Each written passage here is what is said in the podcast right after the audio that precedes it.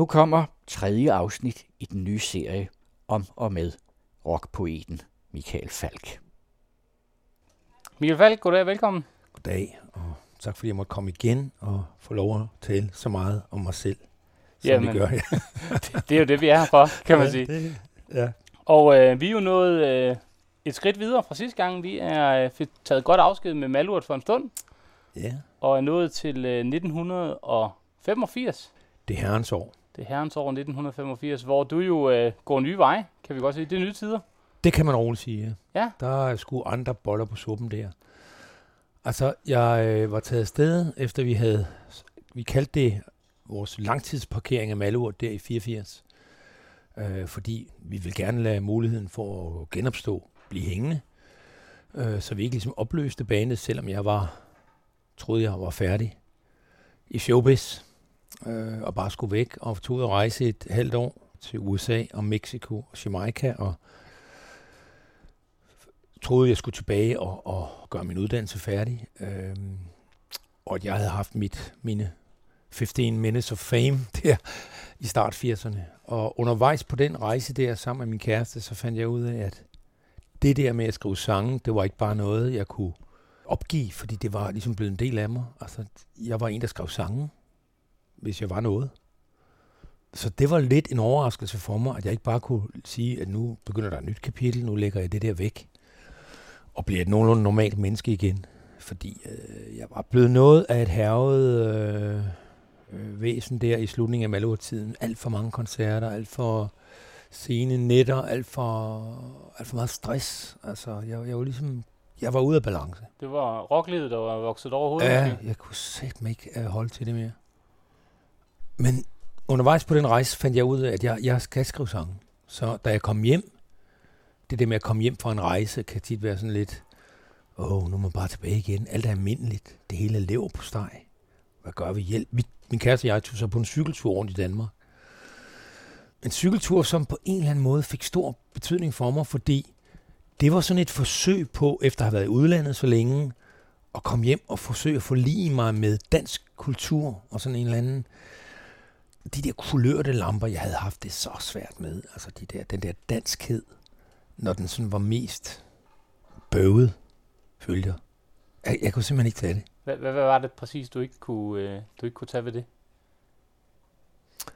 Jeg fik røde knopper af kulørte lamper og, og, og, og, og sådan, noget, altså sådan noget dansk folkelighed. Og sådan. Jeg havde det sindssygt svært med det. Men jeg måtte jo erkende, da jeg kom hjem, jamen, det var at komme hjem til mit land.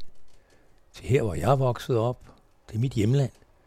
Og hvor dejligt der end kan være, og spændende der kan være andre steder i verden, så er det her, jeg er vokset op, og det er her, jeg har mine rødder. Og det kunne jeg også mærke, da jeg kom hjem. Jamen, jeg hører jo til her, så kunne jeg ikke tage på sådan en lille odyssé rundt i landet og forsøge at forlige mig, forsone mig med, med den der danskhed.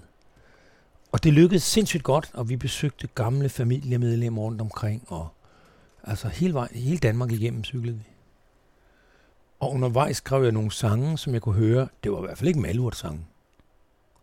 Jeg tror, jeg var blevet sindssygt påvirket af al den popmusik, jeg havde hørt rundt omkring i verden. Altså, når man stod i en eller anden øh, strandbar på Jamaica, så kørte der jo simpelthen bare øh, popmusik, og reggae selvfølgelig, men og måske også en, en slags popmusik, som jeg havde førhen havde altså nægtet at lytte på, fordi jeg ikke ville påvirke sig af sådan noget.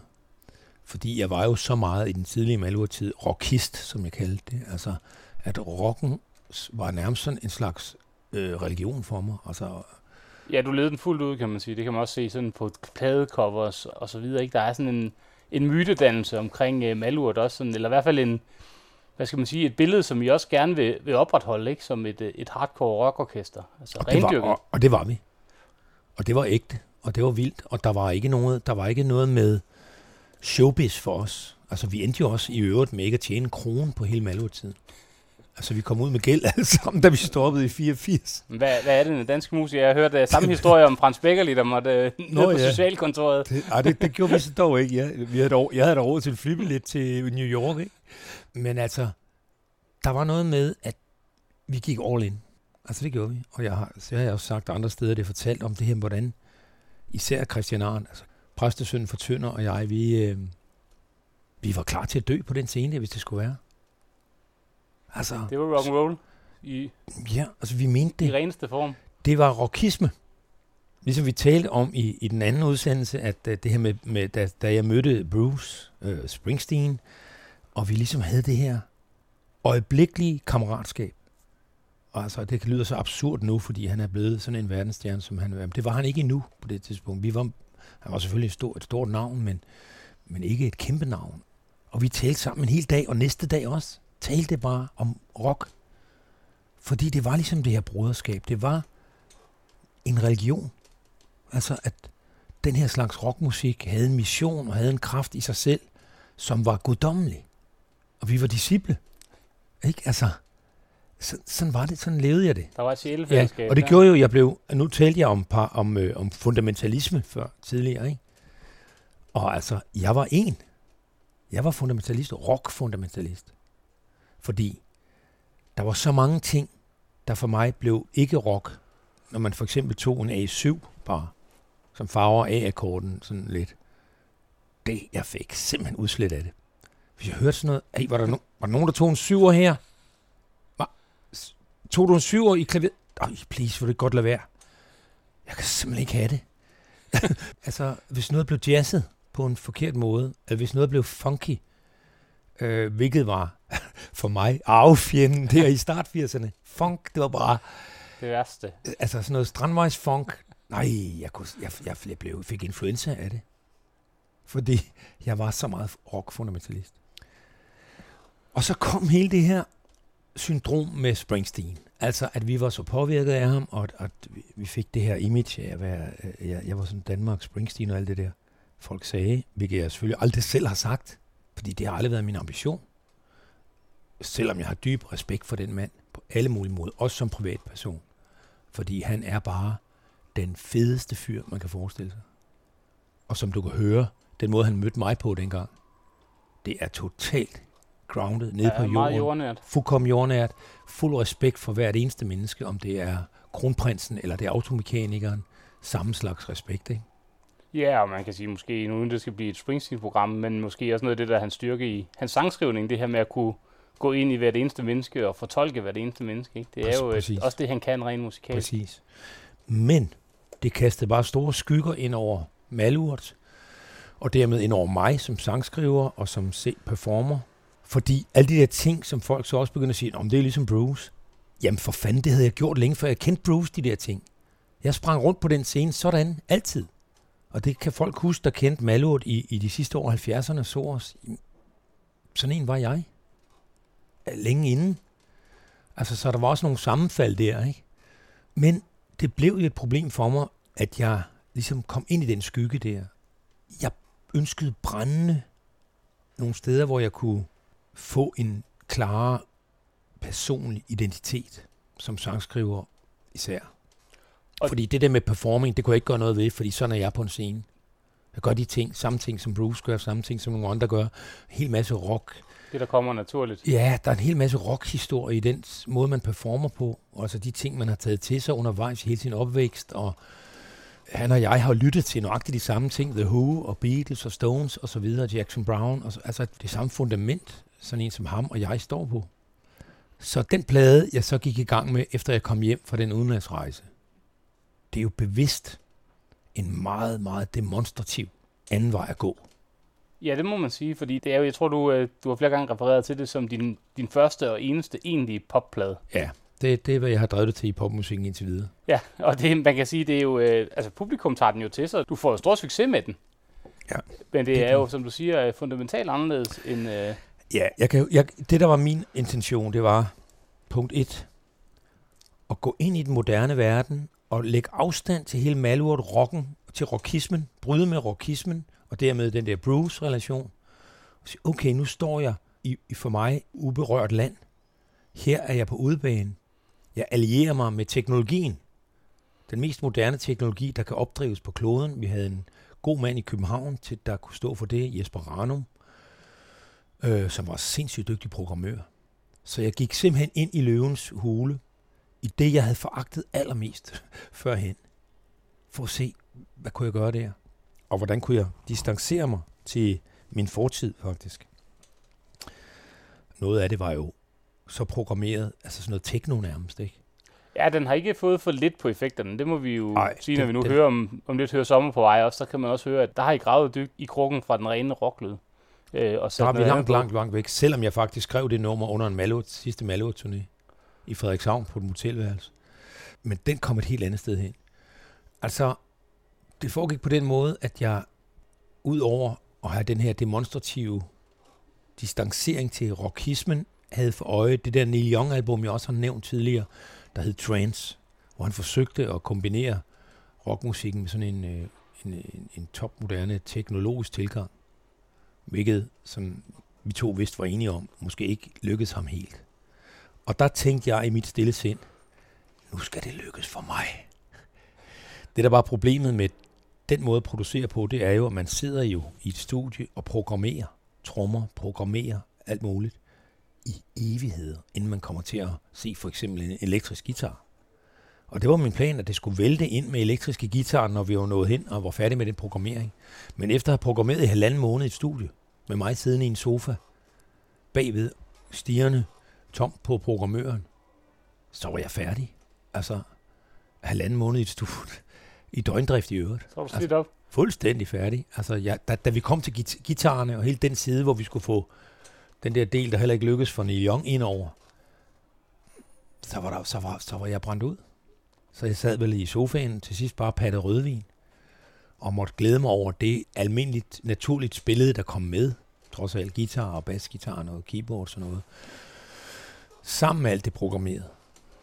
Lad os vende øh, blikket mod et af de numre, som vi skal høre nu her. Det er nemlig det nummer, der hedder Nye Tider.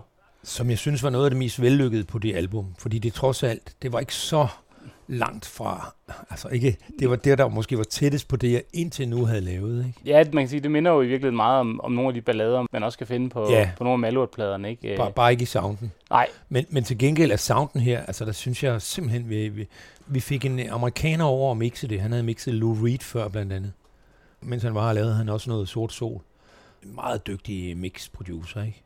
Og jeg synes, det her mix, altså nu skal vi passe på, jeg er sådan i sådan en podcast her, sidder skamrose os selv, men nu er det sådan set ikke mit ansvar, for det er ikke min, det er ikke min fortjeneste, det lyder sådan her. Det er hans, og det er teknikerne og musikernes. Jeg synes, det har en eller anden sound, der, der stadigvæk kan fungere. Ja, og man kan sige, hvis man ser øh, ud over sounden, som jo, øh, som vi har været lidt inde på, når du har været inde på nu her, så har det jo også en tidløs tekst på mange måder, ikke? Øh, det her med, med nye tider. Det er jo noget med at kigge fremad, og noget med at, øh, et eller andet form for opgør med noget af det modløshed, vi har talt om tidligere. Det er i hvert fald sådan, jeg læser dine ord. Ja, og sikkert jo nok også i mit eget liv et eller andet øh, tegn på et, et nybrud, ikke? At der er et vendepunkt her. Ja, så skulle der ske noget andet. Ja. Var det også det, der fik dig til at skrive den? Nej, fordi jeg skriver aldrig sange af en bestemt grund. De kommer bare, og så kommer de, som de er. Og det, jeg kan ikke... øh, Jeg ved godt, der er andre, der, der kan lave sådan en dosmosæde med tema, at de gerne vil skrive sange om, men sådan har det aldrig kunne fungere for mig. Jeg er nødt til at, at tage imod det, der kommer. Altså, det er jo det også, som vi har været inde på før, med hvordan sangskrivning fungerer, at det er som om, der pipler noget op for underbevidstheden. Så er det bare med at gribe. Og så er det med at gribe det og gå med det. Der er en enkelt strofe i den her, som vi altid har været fascineret af. Og det er jo sådan, at den er jo sådan næsten helt lændersk, når man sådan, øh, når man sådan hører det, men der er ingen Gud i himlen mere, men der er stjerner på. Der er intet liv efter døden, men vi har nok at nå. Ja. Altså, øh, det vers, det er meget skråsikre vers. Det har sådan fået lidt ændringer af, undervejs. Fordi øh, jo ældre jeg er blevet, jo mindre sikker jeg er blevet på visse ting. Blandt andet det her. Ja, fordi det er jo det, var det næste, jeg skulle til at, at tage fat i. Når man hører dig spille på de senere, altså navnlig på live-koncerter, så har, så har ordlyden ændret sig. Mm. Og så bliver det en mere, en mere spørgende Michael Falk, der synger. Ja. Og fordi jeg, jeg har mærket, at du har ændret det til, er der en Gud i himlen mere? Der er stjerner på. Er der liv efter døden? Vi har nok at nå. Ja, det står bedre. Og det står måske også mere i overensstemmelse med, hvor Michael Falk er hen i dag. Ja, det gør det i hvert fald. Men oprindeligt så var det sådan, det mere ateistiske budskab, der lå der. Jeg kan huske første gang, jeg spillede sangen for nogen. Det var på en restaurant inde øh, på Jarmers Plads i København. Sammen med Steffen Brandt. Og der stod et klaver. Og jeg sad og fortalte ham om de her nye sange, jeg var i gang med. Og han spurgte, hvad, kan jeg ikke høre en af dem? Og så øh, satte jeg mig ind til det klaver der og og spillede den her for første gang for ham. Bakker lige en lastbil. Der er en dejlig lastbil, ja. Der er lyd i storbyen her, kan man høre, ikke? Det er Storbyens Puls. Ja, det er det. På trods af vores til dels landlige baggrund begge to, ikke? Er det ikke rigtigt? Det er, det er fuldstændig korrekt. Vi kan godt afsløre for lytterne, at du er jo Fynbo med stort F. Jeg er born and raised. Ja, og hvor er du født? Jeg er født i Odense, men har boet hele mit liv på Sydfyn, eller det meste af mit liv på Sydfyn. Hvorfor siger du Odense og ikke Odense? Det, Hvorfor siger du ikke Sydfyn? Det er hensyn til vores store internationale publikum. Okay. Så kan vi ikke... øh, så skal vi prøve at tone dialekten lidt ned. Det er dejligt. Jeg kan godt lide Fynbo, det kan jeg godt love dig. Det er vi også øh, som oftest ja. nogle venlige sjæle. Jeg har jo selv boet i en periode uden for Nyborg og nede på Torsinge, og jo siden jeg var 16 år kommet, vil jeg sige, fast på Langeland. Så jeg har jo meget, Du har din, øh, meget kontakt med det haft en gang. Jeg fynske. tror, det var Mimi Jakobsen, der sagde, at øh, Fynboerne det er den fredsbevarende styrke mellem sjællænder og jøder. Dejligt. Der har hun nok øh, en, ja, en har- pointe. Der har hun nok en pointe. Inden vi går til nyt tid, kunne jeg egentlig godt tænke mig sådan lige at øh, bare lige lu- lukke den her af omkring øh, det her med dit forhold til, øh, til religion og, øh, og hvor herre, fordi du laver jo en plade på et tidspunkt, der hedder Sang til Undren, hvor der i den grad øh, ikke er sparet på øh, bibelreferencer, og det er der for så vidt øh, stadigvæk ikke øh, i den musik, du laver, øh, efter du kom tilbage fra dit... Øh, Ja, og Din. Bibelen og Bibelen, øh, det er mest bind 2. altså det vil sige det nye testamente. ikke? Det er Ja. mest der, der er referencer til. Ja. Det gamle testamente har jeg selvfølgelig været igennem, eller selvfølgelig, men det har jeg været igennem nogle gange, og har jeg selvfølgelig kendskab til, og ved jo også, hvordan det nye testamente ligesom hviler på mange dele af det gamle testamente. Men det er det nye testamente, der betyder rigtig meget for mig. Historien, fortælling om Jesus. Og den frelse, der ligger i, øh, i det kærlighedsbudskab, måske. Jeg ved ikke, om der er frelse i det, men der er i hvert fald anledning til dyb undren. Ja. Og det er den, jeg hylder. Det er den, du hylder. Ja.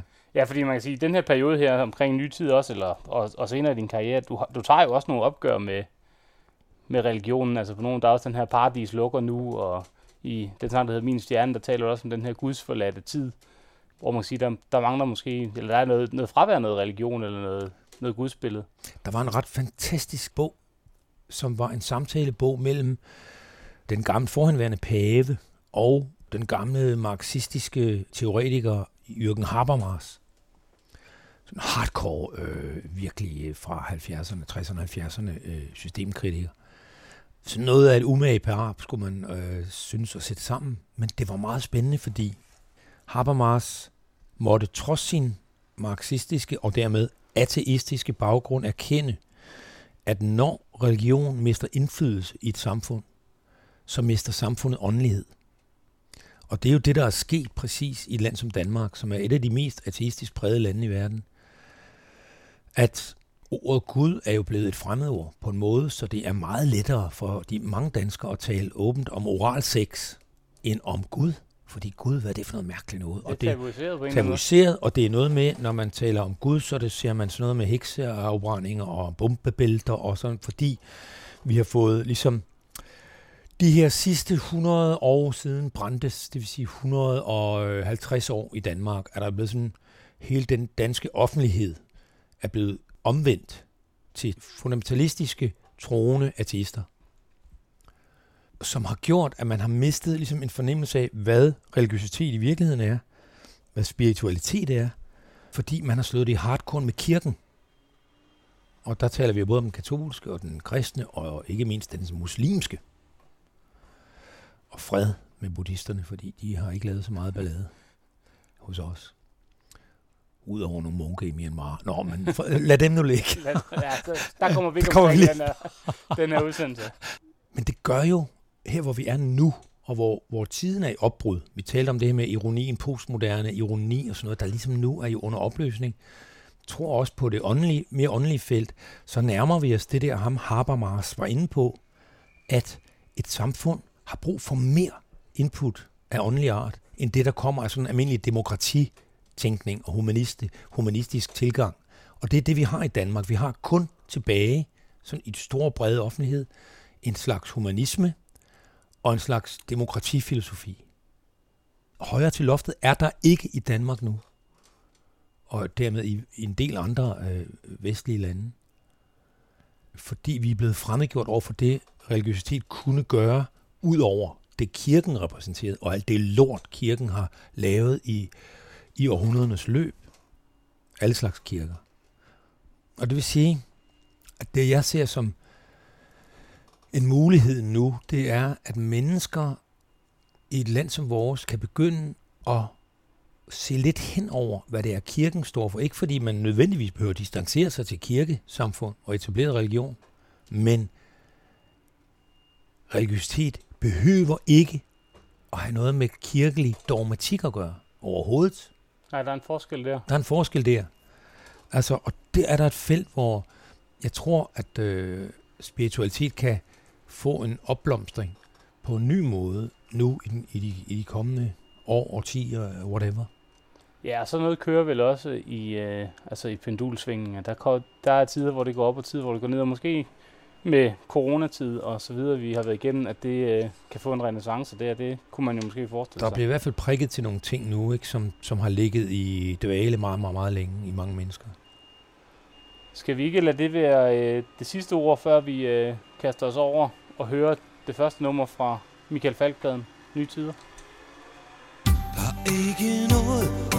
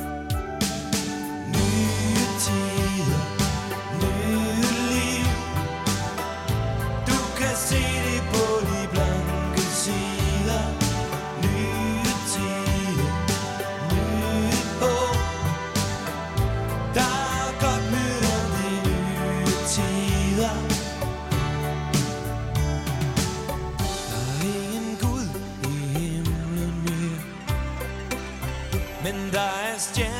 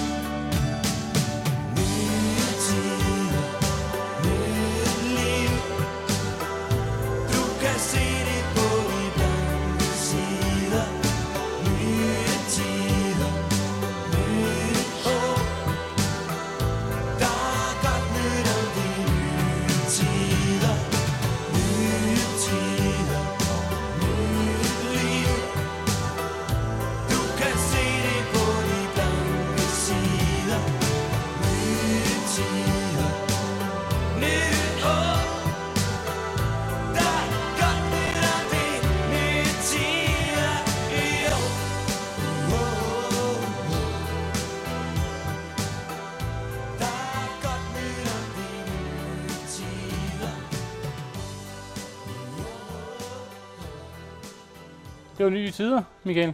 Det var det, ja. Det var en virkelig nye tid. Hvad var øh, sådan det øvrige setup på den plade der? Jamen, vokal her, der, der bed jeg jo lige mærke i. Det var jo lige Sørensen. Lige Sørensen, hun var... Så du har haft lidt Sørensen som korpige? Det har jeg haft flere gange, altså en del, helt del gange endda. Altså ret fantastisk. Og her var hun, jeg kan huske de der sessions inde i Medley-studiet i København. Altså, det her var 85, hun var også meget med på det næste album, Det andet land. Det der med at stå se, sidde ude i kontrolrummet og se hende arbejde inde i studiet med sin vokal og hendes ufattelige, altså hun sang jo, altså synger og sang jo så fuldstændig vanvittigt godt, ikke? Samtidig med, at hun var jo, og er så, så smuk en kvinde og sådan noget. Jeg var meget, hvad, skal passe på, siger sådan her, men hold op, hvor er betaget af hende. Helt vildt. Den der kombination af stemmen og væsenet. Ja, det var meget smukt.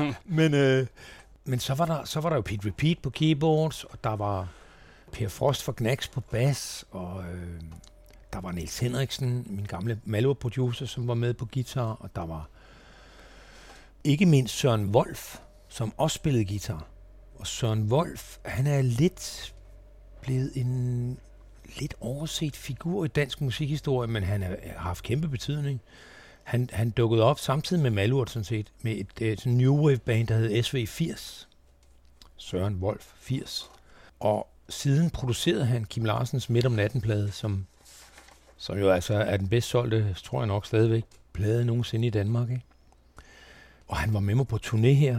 Øh, en, en meget speciel type. Meget, han var sådan lidt øh, Danmarks Phil Spector. Meget særlig type. Gik med hat dengang, det var der ikke ret mange, der gjorde. Og, øh, holdt sig for sig selv, gik sin egne veje, var meget stille og meget bestemt. Og den solo, vi lige hørte på Nye Tider, det var ham, og den jeg, jeg elsker den simpelthen. Det var så sofistikeret enkelt. Jeg ved ikke, hvad han laver nu. Jeg har spurgt alle steder i mange, mange år, hvad er der blevet af Søren Wolf? Hvor er han henne? Han trak sig pludselig tilbage. Havde måske fået nok af alt det her menageri, showbiz. Øh, ville noget andet med sit liv måske. Altså, fordi jeg har ikke hørt noget om ham. Jeg, jeg husker, han i slut 80'erne var han i gang med en soloplade, der trak ud år efter år efter år. Altså, han arbejder måske på den plade i 5-10 år. Den er, altså, vidt jeg ved, at den ikke udkommet. Så, så hvis nogen kender Søren Wolf, så sig lige til ham, at jeg gerne, rigtig gerne vil høre et pip fra ham, fordi jeg vil, jeg vil gerne øh, hilse på ham igen. Så er det en opfordring i hvert fald Mm. øh, givet videre herfra. Ja. Ja. Jeg synes, vi skal høre et enkelt nummer mere øh, fra øh, den her plade her, og det er jo et nummer, som, ja, som stadigvæk bliver spillet både i radio og, øh, og, og kan synges med på af, af mange mennesker ude, ikke mindst i sommerlandet, det der hedder øh, Sommerforvej. Er der nogen, nogle få bemærkninger, du lige vil knytte til det nummer, inden øh, vi hører det? Nej, men det er i hvert fald et nummer, der repræsenterer det her album rigtig godt, ikke? Fordi det har den der teknologiske feeling over sig, eller mangel på feeling, vil nogen sige, vil jeg have sagt før selv. Øh, den har det der, den tilgang til det, hører man jo meget tydeligt på det her nummer, med de der effekt, lydeffekter og sådan noget, som jeg jo indtil, i Malurt-tiden, inden der var gået langt udenom. Altså, og her går jeg direkte ind i det, og bare æderløs af det. Ja, det er, det er musik med skulderpuder her, ikke? Altså, det, er, Det er det, og der var, jeg kan godt love dig, mange gamle Malwood-fans, de tabte kæben her, og mange blev voldsomt farvet. Det kan jeg jo godt forstå, men for mig var det bare nødvendigt at gøre noget helt andet. Og trække en streg i sandet mellem før og nu. Også det her var en soloplade, ikke? Jeg var også nødt til at markere skiftet. markere skiftet på alle de måder, jeg kunne. Jeg, jeg havde ikke længere Michael Elert Falk, men kun Michael Falk blandt andet. Der var sådan nogle signaler om, okay, nu gjorde jeg noget helt andet. Altså det her, det er jo pop, som jeg aldrig siden har, har lavet det. Altså, Hvordan har man det så som sådan en gammel rockdreng øh, med sådan et nummer? Jeg havde det selvfølgelig meget dobbelt, i, i, da pladen udkom, og jeg mærkede alle de reaktioner. Også fordi, selvom jeg havde de der, den der agenda med, med albummet, altså det her med dels at distancere mig til rockismen, og dels at, at bruge, gå ind i teknologien, så var jeg jo ikke usårlig, vel? Jeg blev såret også, at de, eller ked af det, at mange reagerede sådan med, at jeg har svigtet rocken, og øh, for kom, hvad der dog skete, ikke? Og, Øh, Øh, han må have haft en hjerneblødning. Eller, altså alle de der ting, der, der for nogen, der elskede Malurt-tingene, som ikke kunne tage det der skift ind i det her. Men det er også en lektie, jeg har lært af Neil Young. At hvis du kun bestræber dig på at please og leve op til nogle forventninger, så dør du. Altså, det har været en leveregel for mig lige siden, at jeg vil ikke gentage mig selv. Det må ikke være den samme plade, der udkommer hvert andet år i en eller anden lang, sikker, stabil karriere og gab og rent mig i røven. Jeg er ikke interesseret i det, jeg vil ikke have det. Altså det skal være sådan, at når du finder på en dag, som du har gjort nu, og lave et program om, om, om min karriere og alle mine albums, så kan man høre kæmpe forskel fra album til album. Og det må vi sige, det, ja. det kommer vi jo til, når vi kommer igennem det. Fordi men, de må, og det er lektien fra Neil Young, Rust Never Sleeps. Hvis du bare bliver lever på steg i din sangskrivning og din måde at producere musik på, og, din, og de der holdninger, der bærer hvert eneste album, så får du måske nok alt muligt safety derude i et publikum, et lille, et, et lille eller stort trofast publikum, men du får aldrig rystet folk i deres grundvold, og du får aldrig sat dig selv på spil for alvor. Altså, der skal være noget med at risikere sin røv i det, i det jeg gør. Altså, fordi ellers så, øh, med den karakter, jeg er, så bliver det lev på steg, og så er det lige meget, og så skal jeg hellere lave noget andet end musik. Ja, så kan det hurtigt blive Hvis, hvad det så end skulle være. det, det tager vi i et andet Ja. program. Nu tror jeg, vi hører øh, Sommer på vej, Ja. som den lød i 85.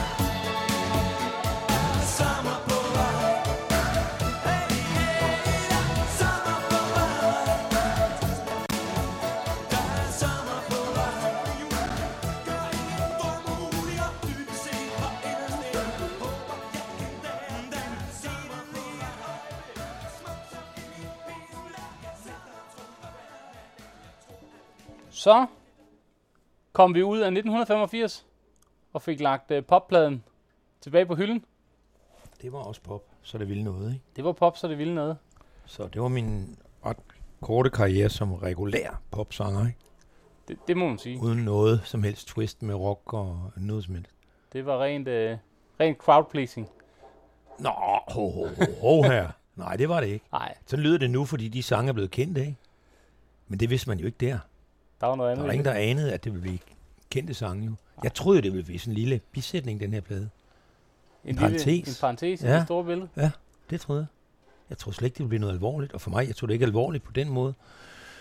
En ting var, at den blev en kommersiel stor succes, hvilket var jo heldigt, men, men til gengæld blev den jo kritikermæssigt øh, virkelig hård. Jeg blev virkelig... Ja, den blev sablet rundt. til dernede. Ja, det tror jeg nok nogle steder er. Ja. Ja.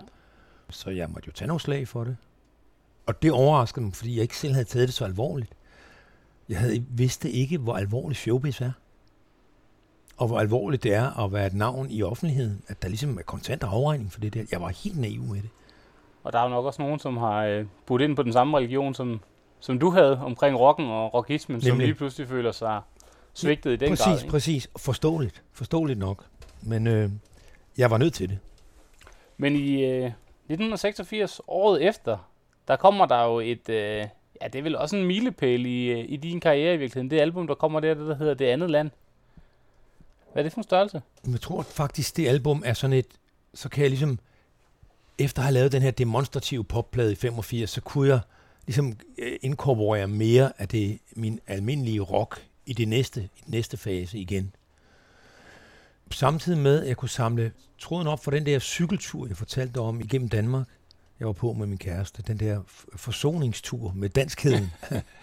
som jo førte blandt andet til, at det her album blev en, øh, en fortælling om det at være dansker der på det tidspunkt, øh, med den baggrund, der er i det her land, at den, der kommer sådan et eller andet national debat over det. Jeg havde Henrik Pontoppidan øh, citat på bagsiden af det album, fra en af hans novellesamlinger. Henrik Pontoppidan, som er min store litterære helt, dansk romanforfatter. Øh, Lykke, Per. Lykkepære, De Dødes Rige, Det Forjættede Land, store, store romaner. Bedste, der er skrevet i det her land, hvis man spørger mig. Og det gør vi jo. Og det gør vi jo her, så det er det. Øh, et citat, hvor han, hvor han siger om danskere, vi springer op som løver og falder ned som får. Det er ligesom et kendetegn, et træk ved danskere. At vi har ligesom, på grund af vores lands lidenhed, det her med, vi er et lille land, og vi, når vi så får noget sendetid, så går vi, kommer vi helt over. Og vi har det her 1864-syndrom, at, at vi pustede os op over for Preussen, altså daværende Tyskland, og de skulle satme ikke bilde sig noget ind, og vi, vi gik til dem, som om vi var en, en stor nation, der bare kunne trumle alt, alt, og så blev, så blev vi ydmyget på det grusomste, Vesterlig og det blodigste, blodigste. Altså, man kan jo fandme stadigvæk se blodpletter ned på alt, ikke? Altså, fra, fra det der fuldstændig forfærdelige nederlag, som mange mener stadigvæk på en eller anden underlig måde sidder i os, at vi blev ramt så hårdt på en eller anden oppustet stolthed dengang. Fordi det er det her med, hvad, hvad, hvad er national karakter for noget? Hvad, hvad er det, der rumsterer i et folk? Hvad er det, der forbinder os ud over det sproglige? Hvad er det mentalt, der ligesom er fælles for os? Og det er jo ikke noget, jeg er interesseret i på grund af noget nationalisme egentlig, fordi jeg er ikke nationalist i sådan en traditionel forstand. Men i det hele den der diskussion om nationalisme, der har man efter min mening altid glemt det her med, at selvom jeg ikke er nationalist, så har jeg jo et enormt nært forhold til det her land, jeg er vokset op i, og kommer så meget rundt i, som jeg gør, for jeg har lavet, dels som barn flyttede jeg enormt meget rundt med mine forældre og mine søskende, og som voksen har jeg siddet i en turbus hele mit voksenliv, ikke? Så jeg kender det her land ud og ind, og jeg kender hver eneste krog nærmest. Og jeg elsker det land, men jeg er ikke nationalist, politisk nationalist. Nej, det kan man jo sagtens være. Ja. Have et, et, et stærkt forhold til sit land, uden at være... Det kan man sagtens være, men det har ikke været normalt at tænke på det. Og det har været vigtigt for mig at forsøge at få de, de to ting øh, til at stå sammen med hinanden. Det er det med en dobbelthed og rumme dobbelthed. Det er det, der er det interessante for mig. Altså, altså når jeg hele tiden taler om det der med, med fundamentalisme, så er det ikke det. Det godt være, jeg var mit udgangspunkt var fundamentalisme i rock henseende, og måske også endda politisk, da jeg var yngre. Men det, der er blevet min interesse, det er at rumme dobbeltheden.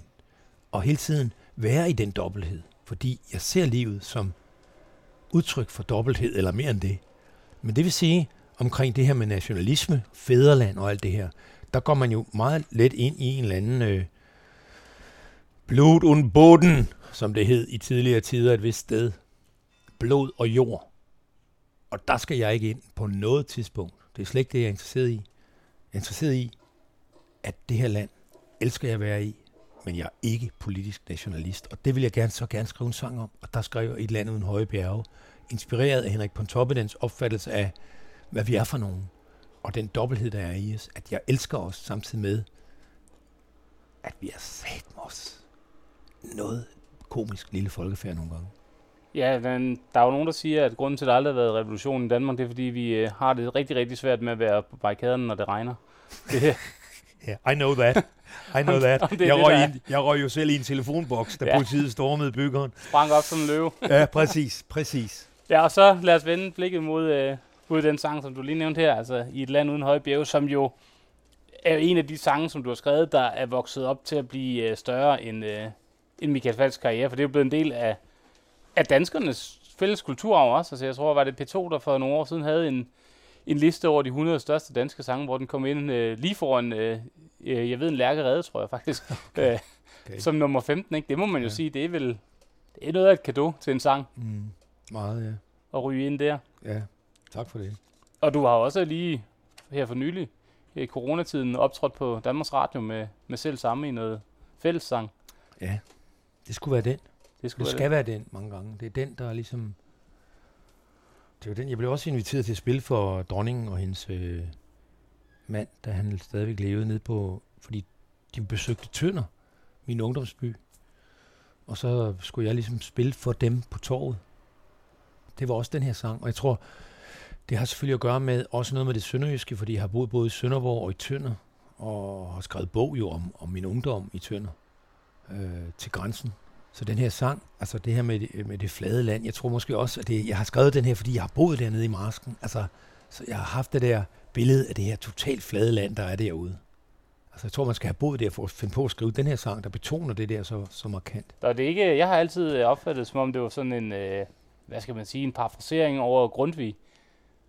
Om, øh, Langt, højere, bjerge. bjerge. Ja, det er det jo sikkert det er dybere nede, ikke? Men det er samtidig en Langelandssang også, den her faktisk, fordi der havde man de der, der har man, eller har, de ligger der gudske tak og lov stadigvæk, de der hatformede bakker. Ja, hattebakkerne. Ja, hatbakke, som, som øh, tror jeg også spillede ind på en eller anden måde. Ja. Og jeg tror faktisk, jeg skrev den på Langeland i sin tid, den her sang. Det er jo, øh, Men, men det er ligesom billedet på, at øh, det vi ikke har som den her slags nation, vi er, ikke? det vi mangler i forhold til så mange andre lande, nationer, folk.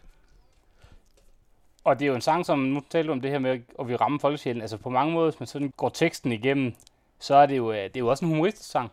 Ja. Der er jo, øh, der er jo en del humor, der er en del sådan underspillethed i det, fordi den her klassiske fæderlandssang, det er det jo så langt fra. Det er det nemlig ikke.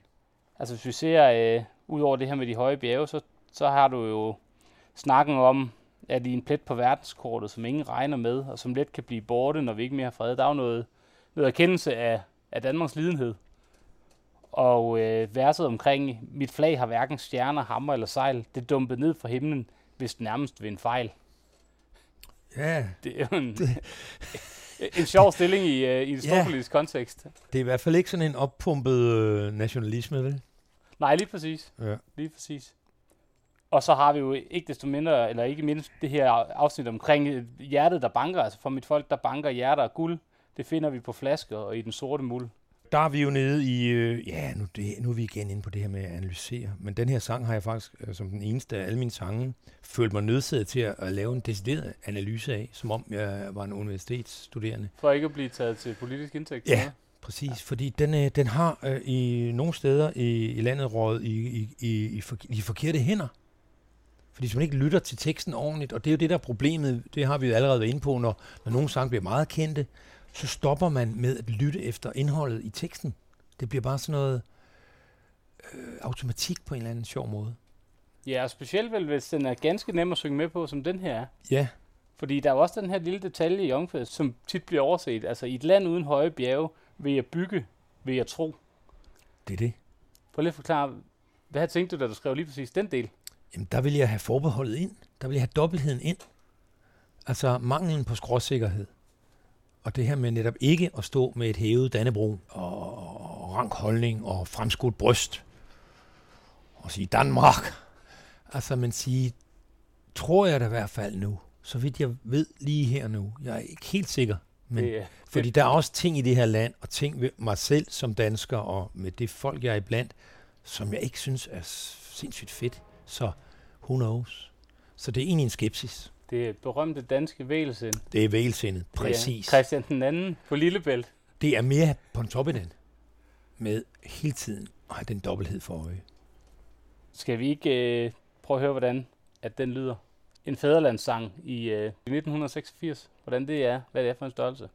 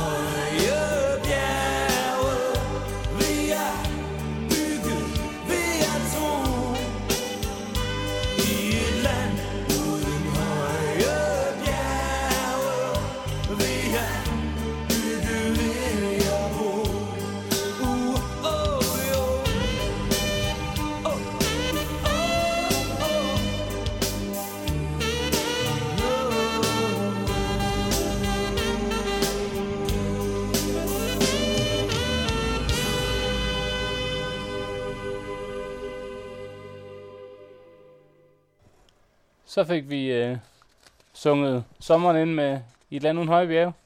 Ja.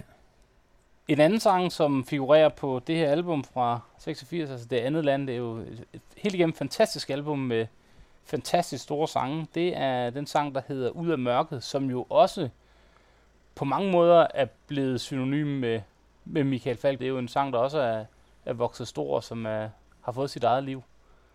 Hvad er det for en sang? Altså så for det første var det jo en sang, jeg skrev til den første af de to Dan Tyrell-film, vi nåede at lave. Øh, Mor i mørket. Og altså, det der kunne lade sig gøre for mig nu, efter at have lavet den der provokerende første pop-soloplade, det var, at jeg kunne integrere meget mere af min oprindelige rock i mit udtryk igen. Så på, på en måde var det ligesom at, øh, at, at, at, at få noget tabt t- tilbage der, da, jeg, da vi lavede den her sang.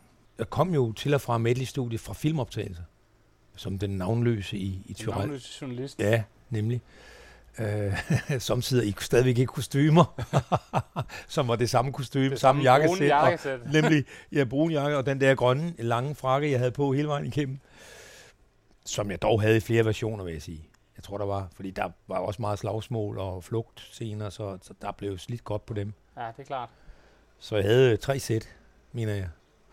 Så, så galt lugtede det ikke. Men jeg havde til gengæld sovet i det første i nogle måneder inden optagelserne, så det kunne se lidt punket ud. Fantastisk.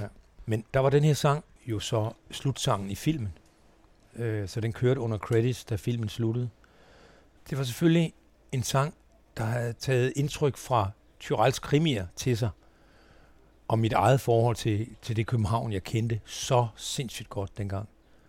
Altså både Nørrebro og Vesterbro. Selvfølgelig var jeg mere hjemme på Nørrebro, fordi jeg havde boet der i 10 år. Øh, men Vesterbro var jeg jo ind og ud af hele tiden. Og alt det er pudsigt nok. Alt, hvad jeg har lavet film, har nærmest foregået på Vesterbro. Altså, Istegade er den gade, jeg har været mest i i mit voksenliv. På grund af alle de der filmscener. Øh, fordi Det var en vigtig detalje, det var på grund af filmscenerne. primært på grund af filmscener. øh, første film, jeg lavede, Isfugle, som var i 83. Ja, det er, hvor du spiller René. Ja, den vilde, utilpassede, crazy unge mand der. Der var masser af scener på Vesterbro med petroleumsvogne og op og ned opgange og baggård og sådan noget. Og øh, Tyrell-filmene var, foregik nærmest kun på Vesterbro. Den anden dog, Mor i Paradis, med afstikker til Vejle. Havnen i Vejle. Øh, Clausens Tarzan Mamma Mia. Vesterbro. Skydebanegade. Baggård. Hovedbanen. Øh, applaus øh, med Paprika Sten i nyere tid. Der var vi også lige over. Alle mulige videoer, jeg har lavet til min egen sange. Istegade. Så der er en eller anden historie der, og det var ligesom den stemning, jeg godt vil ramme i den sang. Men så er der jo i den sang noget, jeg først har forstået mange år senere. Der er jo en eller anden skildring i den, altså en underliggende, underliggende skildring af afhængighed. Og en intens drøm om at slippe ud af et eller andet fangenskab, som øh, jeg først har forstået mange år efter, jeg skrev den sang. Og sådan er det jo nemlig med sangen, altså det her med, vi har været inde på før, hvor jeg mener det her med, at det, der pipler ting op fra det underbevidste, som man måske ikke engang selv som sangskriver er bevidst om endnu. Ja, for det er jo, når man sidder i dag og læser den, så er der jo Ja. nogle ting, som, som virkelig springer i øjnene, ikke? Ja, virkelig jo. Altså ikke mindst, og, og tydeligst jo i den sætning, der hedder, og du kunne rejse væk herfra, du har 100 argumenter, og der er ingenting, der binder dig i krogen hos den store bartender. Ja. Men jeg vidste ikke selv, Det, at kom, det, det, at det også handlede om mig. det er fantastisk i Ja. virkeligheden. Ja, det er meget mystisk. Altså hvis den er skrevet, øh, du har din, din store derute, eller din, hvad skal man sige, din erkendelse af et alkoholproblem, den har du en 15-17 år senere. Okay, du er bedre til at regne, end jeg er. Så ja, det er Håber jeg. sådan, Håber jeg fandme, du er. sådan øh, slag på tasken, men, Ja, ja, men at det, det. har ligget Ja. måske udmidlet. I Fra alle, dengang. I alle de år, nemlig.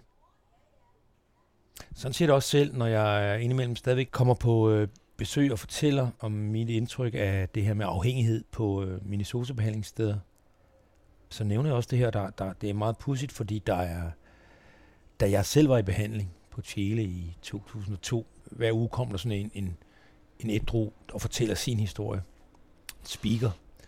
Øh, og han fortalte, at det vildeste fuglenummer, som er pladen, der kommer efter den her, den sang havde hvad han sang, mens han var i behandling, som gav ham power til at gennemføre sin behandling og indsigt. Og jeg må bare sige, det vidste jeg ikke selv, at det handlede om det. Jeg, vidste, jeg anede det ikke. Men det er jo noget med, at ens bevidsthed tit er umoden i forhold til det, det, der ubevidst sker i os. Og det er også derfor, nattedrømmene kan være så interessante, ikke? fordi der er det ikke os selv, der svinger dirigentstokken med. Der er vi ligesom øh, vidner til vores eget indre drama, når vi drømmer om natten. Så der, så der ligesom er ting på spil der, som hvis vi gider interessere os lidt for det, det er sådan noget jungiansk drømmeanalyse. Hvis vi gider at interessere os for det, og kan tvinge os selv op om natten og få skrevet den der drøm ned, selvom det er svært, fordi vi hellere vil sove. Men kan vi gøre det indimellem, så får vi adgang til et stof om os selv, som vi ikke selv har normalt har adgang til. Ja, for man kan sige, de, de ting, der kommer frem, både i sangskrivning og i drømmen, er jo også indimellem i hvert fald noget, der står lidt i, i modstrid med det selvbillede, man jo alle mennesker går og tegner af sig selv. Ikke? Præcis, fordi vi vil jo helst være helte i vores eget øh, syn på sagen. Ikke? Vi vil være heltene, vi er de gode. We are not the bad guys. Det er de andre. Men så enkelt er det bare ikke. Vi er alle sammen selv den, det sødeste, rareste menneske, har alt muligt halløj kørende inde bagved, som ikke er så kønt, og som ikke er så glorværdigt, som vi gerne vil, vil gøre os til. Tit og ofte. Og på Facebook især, på, billed, på vores profilbillede. Det, øh, nu er jeg ikke på Facebook, men øh, jeg, Nej, det er du jeg, jo jeg ikke. husker, øh, Du husker fra min, min spæde ungdom, hvordan Ja. det var. Når du lavede fotoshoot til dit Facebook-profilbillede, Lige præcis. Sugede maven godt ind og så videre. nemlig. Lad os høre øh, ud af mørket.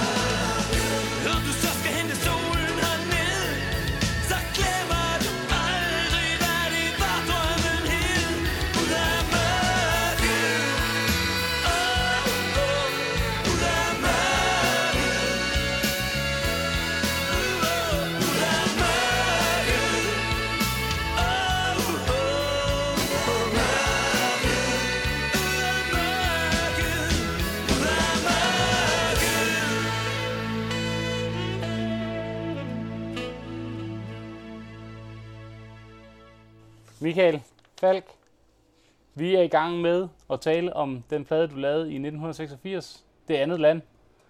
Og øh, nu har vi været igennem øh, et par numrene. Nu synes jeg, at tiden den er kommet til, at vi tager øh, livtag med en af, for mig at se, en af de helt store ballader fra, øh, fra din karriere.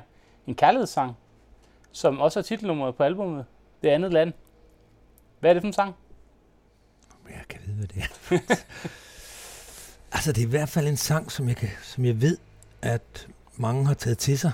Altså, jeg møder tit mennesker, der, for hvem den betyder noget særligt. Altså, jeg har jo det her med Elvira Madigan, som farver den for mig. Altså, det er det med togsinge, og det er den der vanvittige kærlighedshistorie mellem den der svenske løjtnant, Sixten Spare. Ja, præcis. Og hende, Elvira Madigan, der flygter og bor en periode på Hotel Svendborg og ender med... Hotel Ærø, tror jeg faktisk, for, Hotel Ærø, ja, tak skal det have. for, for lytternes skyld. Okay, det var godt. Hed det også det dengang? Det øh, mener jeg. Det, og man kan stadig se uh, tårnværelset, uden vi skal komme ind på noget øh, Ja. reklame her. Det Det duer ikke. ved jeg. Hotellet er der stadig, men måske hed det... Okay. Nå, men det der, som jo antyder noget med en virkelig en øh, storladen romantik, der får et dødeligt udfald. Altså kærlighed til døden. Eller måske var det ikke kærlighed, men desperation. Fordi de ikke kunne få hinanden. Og det farver jo nok en sang, at der er sådan nogle billeder inden, ikke? fordi den historie er jo en ret kendt historie. Ja, det må man sige. Den Ja. store danske kærlighedshistorie. Ja. Så det er jo det her med, at det andet land bliver jo sådan på en eller anden måde symbolsk udtryk for en anden tilstand. Altså ikke noget et andet land end Danmark, men ikke noget med nationalstater, men et, på et metaplan, men et, et, så et psykologisk landskab. Ja, det er jo noget, du bruger senere også. Altså, du har også en, øh, en frase i en senere sang, hvor du, du taler om, at det, vi er dem, der må flygte fra de elskendes land.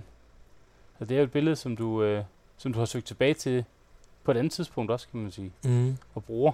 Og det er jo det, der er så sjovt også ved, ved, ved alt slags øh, mere eller mindre kunstnerisk udfoldelse, at der er jo nogle grundtemaer, som alle, der laver kunst, kunsthåndværk eller øh, gøjleri eller hvad det er, at der er jo nogle gennemgående temaer, som får forskellige udtryk, og så tror jeg, ens egen udvikling farver og former dem, men det er stadigvæk de samme grundtemaer, der er på spil i et menneskes liv. Og det gælder ikke kun dem, der laver sange eller billeder eller eller andet.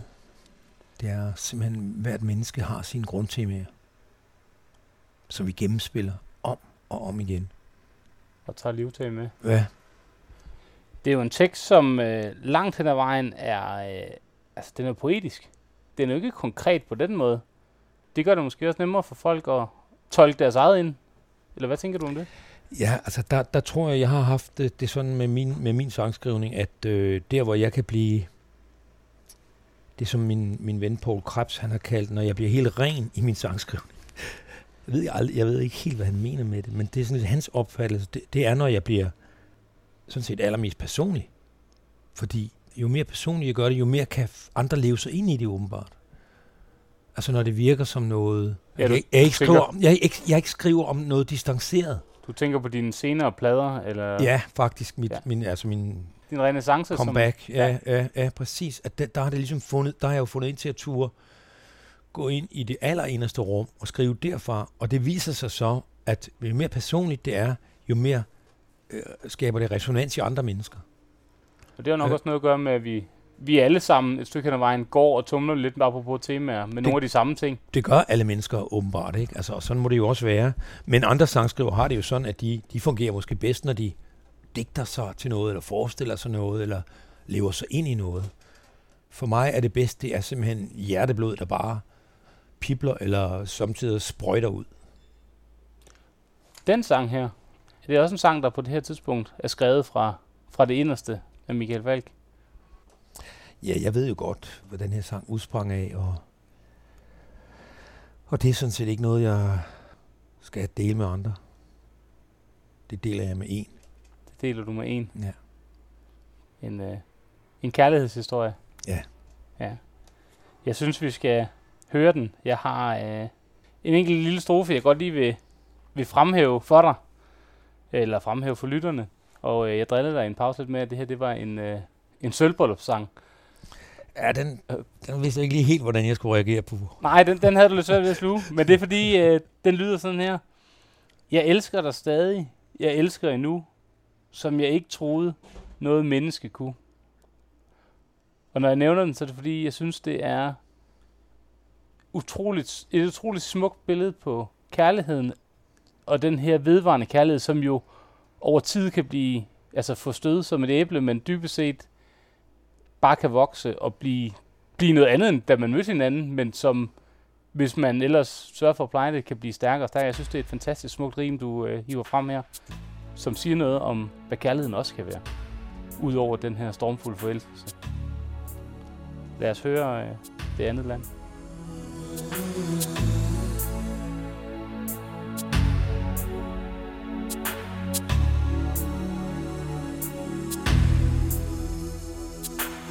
Tal mig i søvntøs Lul mig ind i en drøm, der kan sprede Ro i mit sind det er alle de følelser, jeg ikke kan tage. Og alle de spøgelser, jeg bliver hjemsøgt af. De kommer om natten ved den her tid Men flygter ved synet af en hånd så blid som din. Måske skulle vi drikke os fulde i glemme dem alle i billige grin. Og kun se de engle, vi selv vil se. Og danse alene, som kun vi to ved.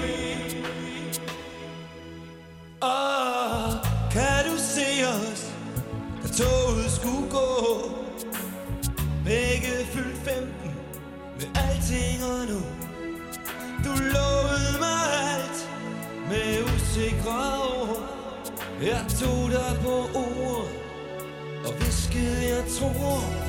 Du stod på perronen, skulle vinke farvel. Jeg trak i bremsen, vi sagde aldrig farvel Fortæl Historien om Elvira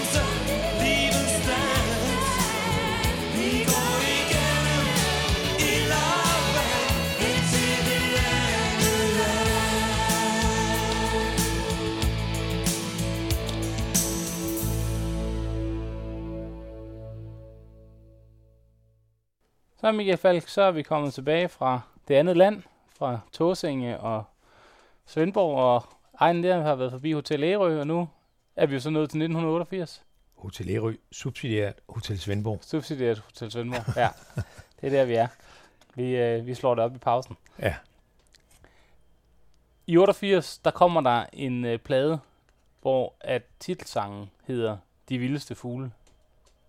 Og det er jo en sang, som på mange måder også er en af dine helt store ballader. Altså, den er, siger både noget om dig og det at være rockmusiker, men siger jo også i virkeligheden en hel del om det at være menneske. Prøv lige at fortælle, hvad er det for en sang? Ja, det er jo altså øh, faktisk et kamufleret malurtnummer.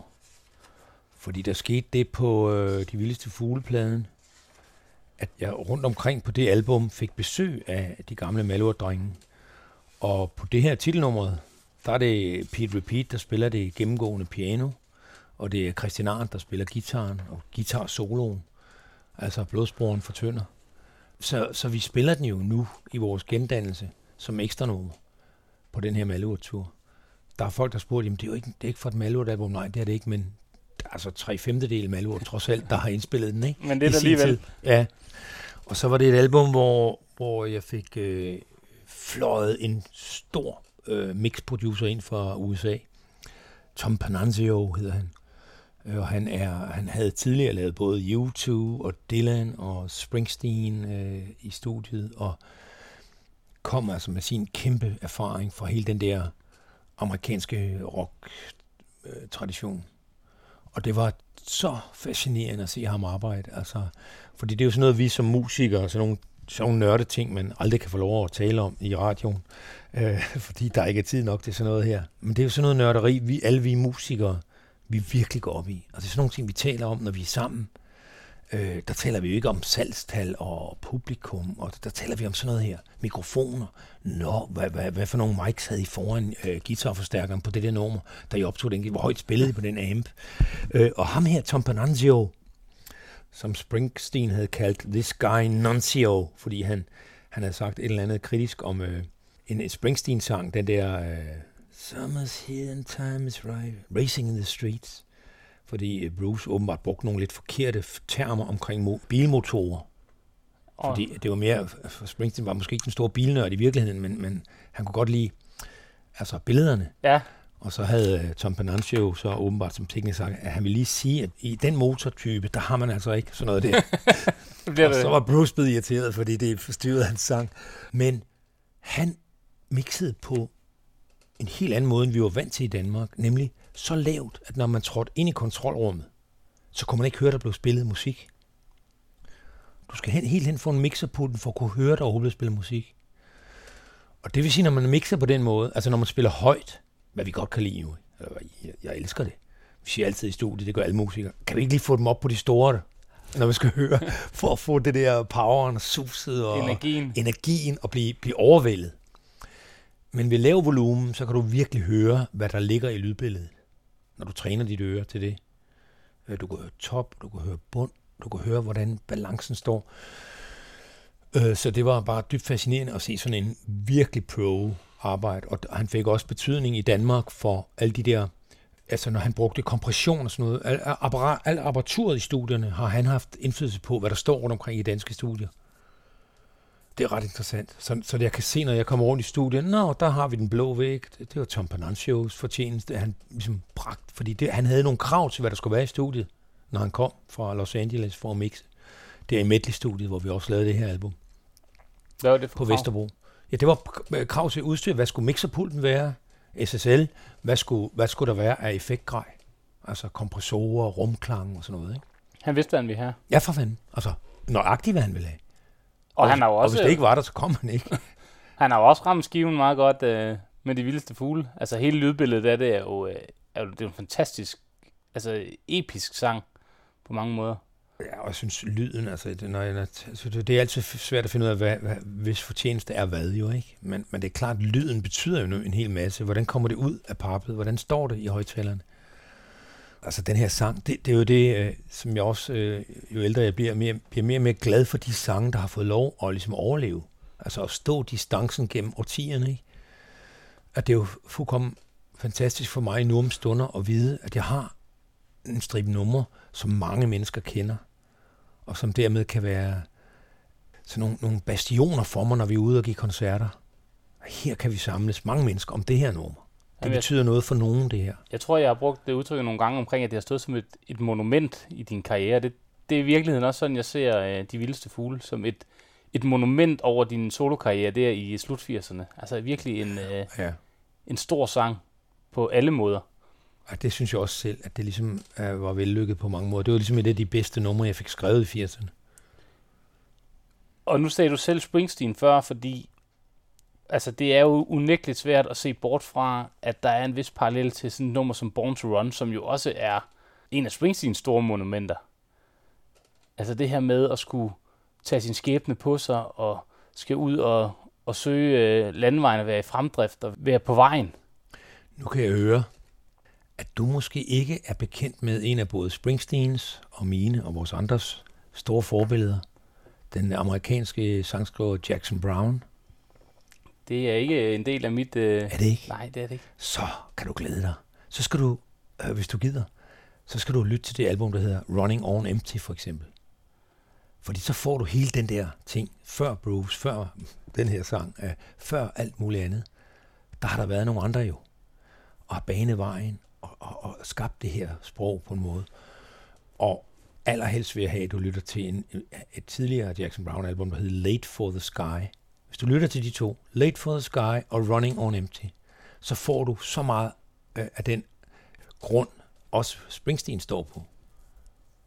Så det er i virkeligheden mere det, at du har hentet Det er meget mere. Jackson Brown det her for mig, end det er Bruce. Spændende. Dejligt. Spændende. Så bliver vi så meget klogere. Så kan man- mig og, Det var da glæder mig at kunne sige noget, der ikke var sagt mange gange før. Ja, jamen øh, det er fantastisk, vi har, øh, vi har tiden og muligheden. Det er fedt. Fordi nu sagde vi før, at det er jo en sang om at være på landvejen som musiker også.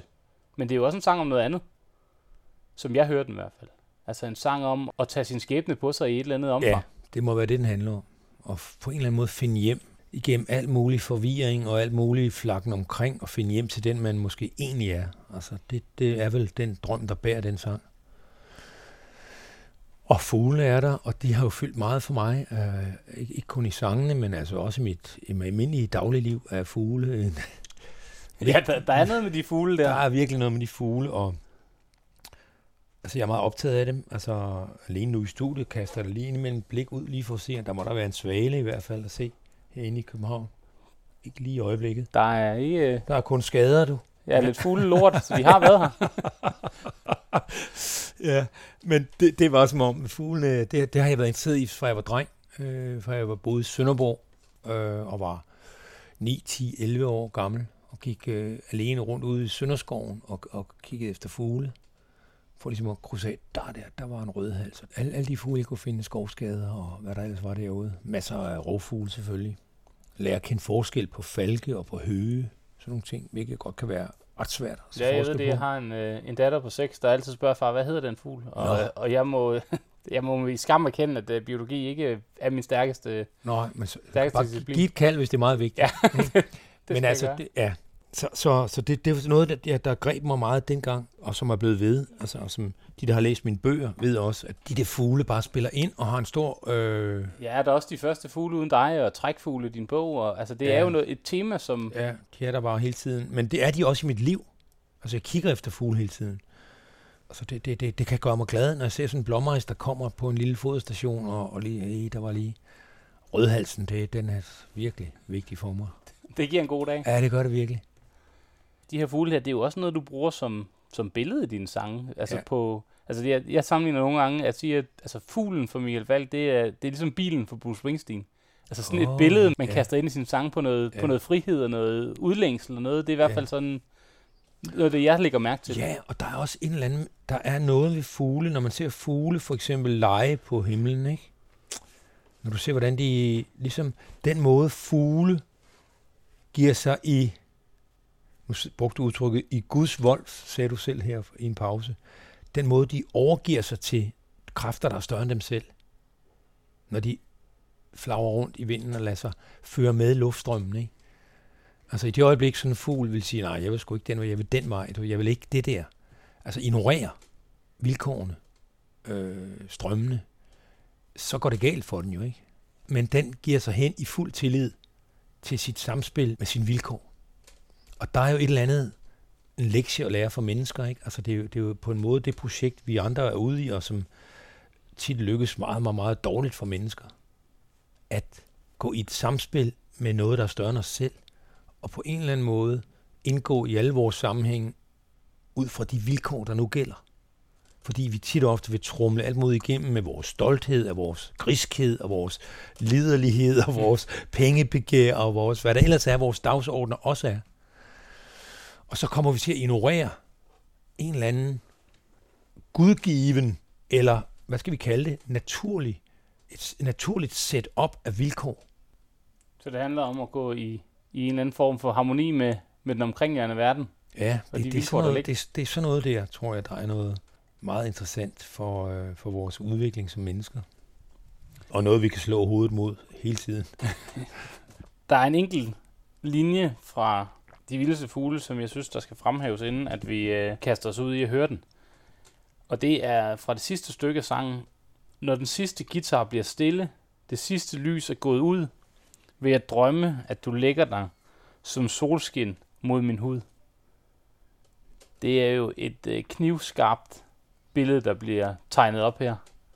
Og jeg tænker på den hver gang, at det er forår, og jeg går forbi et vindue, og jeg lige mærker den der solstråle inde i vindueskarmen, Åh, oh, så tænker jeg på lige præcis den linje der, og tænker, det er, det er, jo, det er jo sådan, en hver mand eller kvinde skulle have det, når man, når man mærkede sin, øh, sin bedre halvdel. Ikke? Det, er, det er smukt. Det, det glæder mig at høre det der. Og det er som så meget andet rent held, altså fordi det er, som jeg, som jeg har sagt flere gange før, jeg bestemmer ikke, det, det er et rent held, det bare kommer sådan nogle linjer ind imellem. Jeg er, skid, jeg er så glad for det, at det sker. ja, det, det må være rart. Fordi, øh, ja, jeg gjorde ikke noget for det. Du gjorde ikke noget for Nej. Nej. Det kan være, du har... Så jeg, kan, så jeg kan heller, det er også svært derfor, det gør det lidt svært at tage æren for det.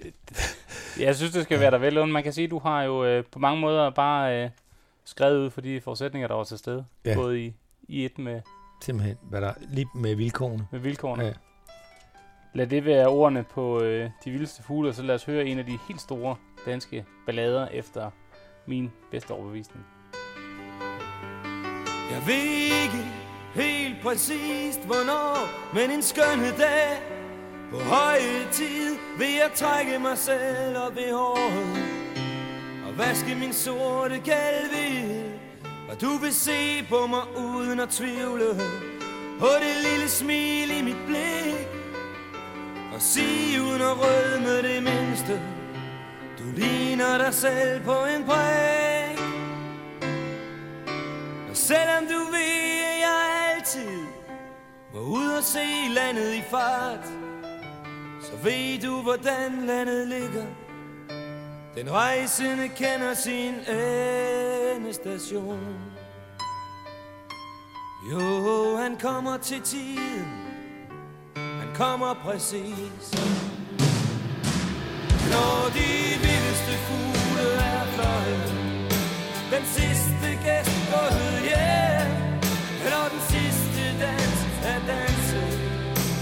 Så kender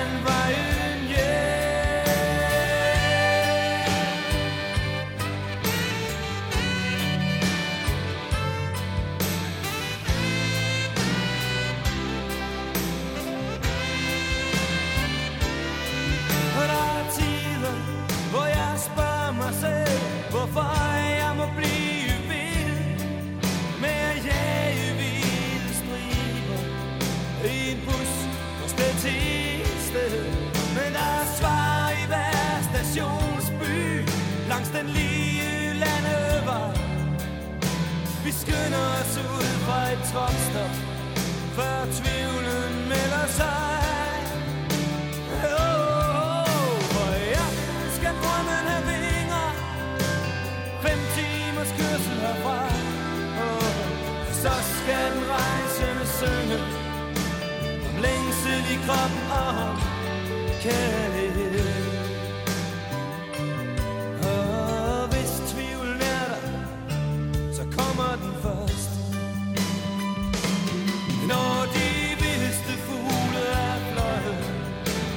sidste gæst gået hjem. Når den sidste dans er danset Så kender han vejen hjem. Når de vildeste fugle er fløjet Den sidste gæst gået hjem. Når den sidste dans er danset Så kender han vejen hjem. Når den sidste guitar bliver stille, det sidste lys er gået ud, kan jeg drømme, at du lægger dig som solskin mod min hud. Og ingen landevej lukker, men jeg kan stå af for en tid og undre mig over,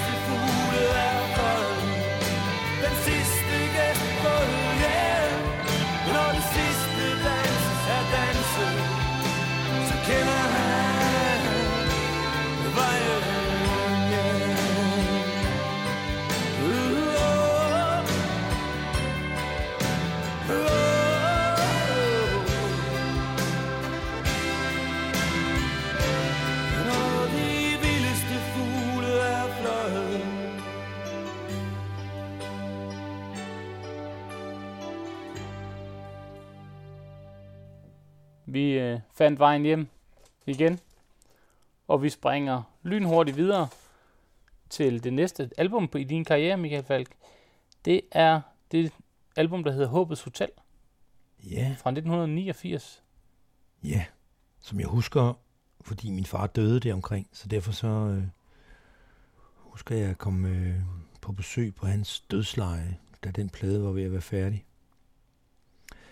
Så det er sådan noget, jeg tænker på, når, når vi snakker om Håbets Hotel. Det har været en tumultarisk tid. Ja, han nåede, han nåede faktisk at, at høre nogle af numrene. Er det noget, der har influeret på de numre, der er på? Det ved jeg ikke. Det ved du ikke. Det er det ubevidste. Ja, jeg ved det ikke, hvordan sådan noget fungerer, men, men, men det er jo klart, altså, det var, det var en periode, hvor jeg igen var ved at miste grebet på en eller anden måde om mig selv. Jeg synes, øh, det igen blev for sent altid, og altid for meget og for tit, alt det der. Altså det der Øh, rock and roll liv. Ja, jeg kan huske en, en, en sen nat, jeg kom øh, på vej hjem fra, fra koncert et, et sted, hvor jeg forbi på det tidspunkt Ølby sygehus, hvor han lå, min far, og han kunne bare se på mig, han, han, han var døende af kræft, ikke? Og, og sådan skader af for meget alkohol og rygning og sådan noget. Og, så, og han kunne bare se på mig, jeg var smadret.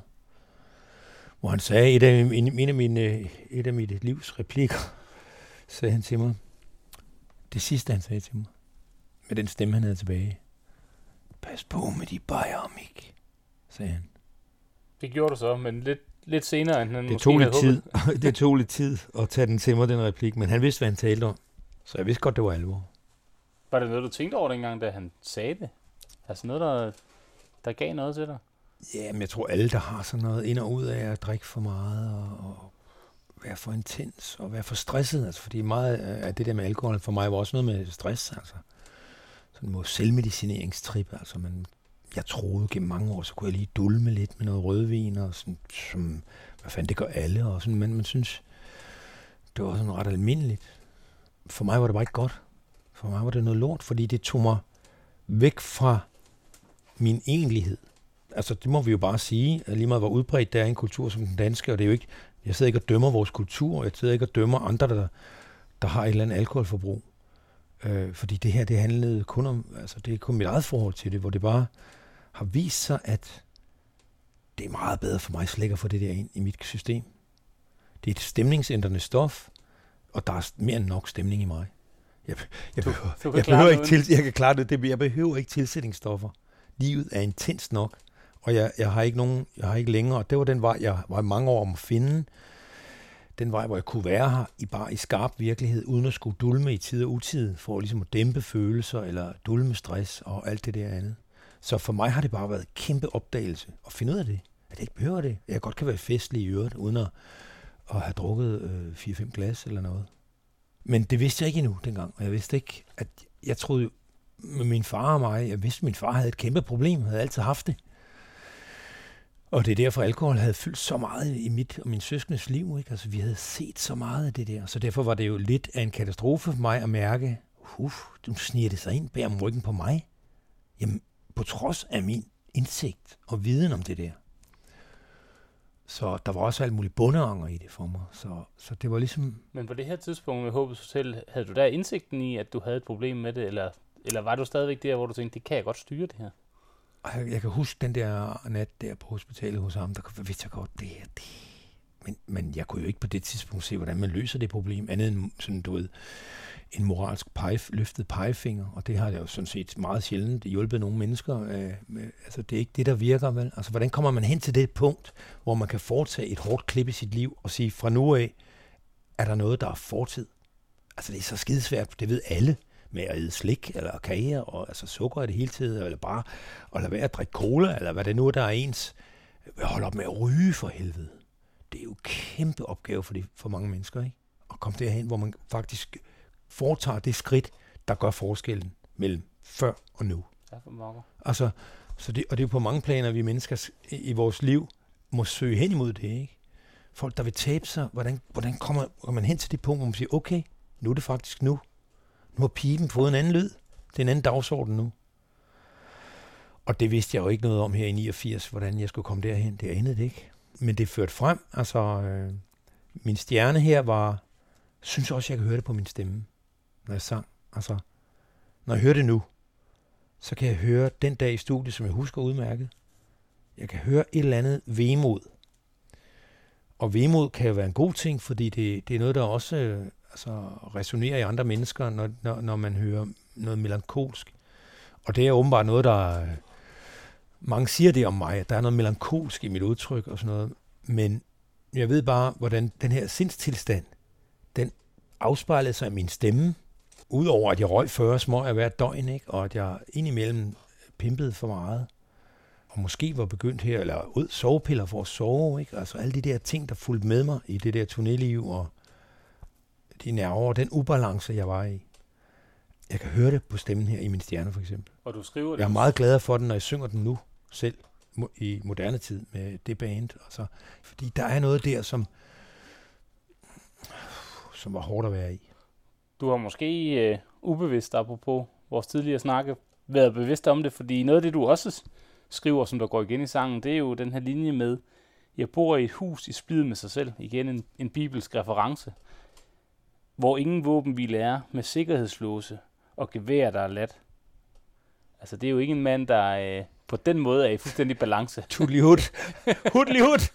Nej, det er det ikke. Lige præcis. Det, ja, det kommer ud af sprækkerne der, det gør det. Lad os høre øh, Min Stjerne, som jo i virkeligheden også bare er et, ja, er det rock, er det pop, det er nok måske et sted midt imellem, men det er i hvert fald et, øh, et rigtig, rigtig fængende nummer. Lad os høre, hvordan det lyder.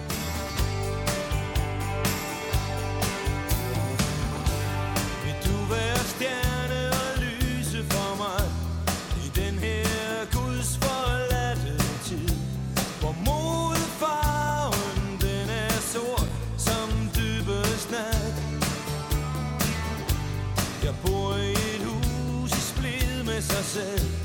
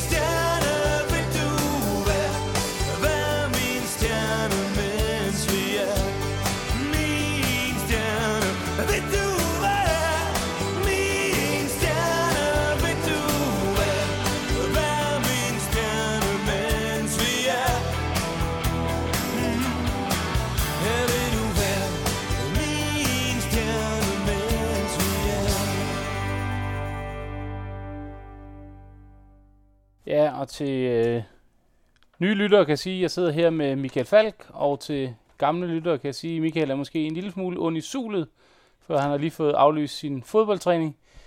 Ja, det var godt nok nedtur. Det er corona-relateret. Der må ikke være så mange med, og så øh, har de jo valgt de svageste fra. Det er, Hold AB.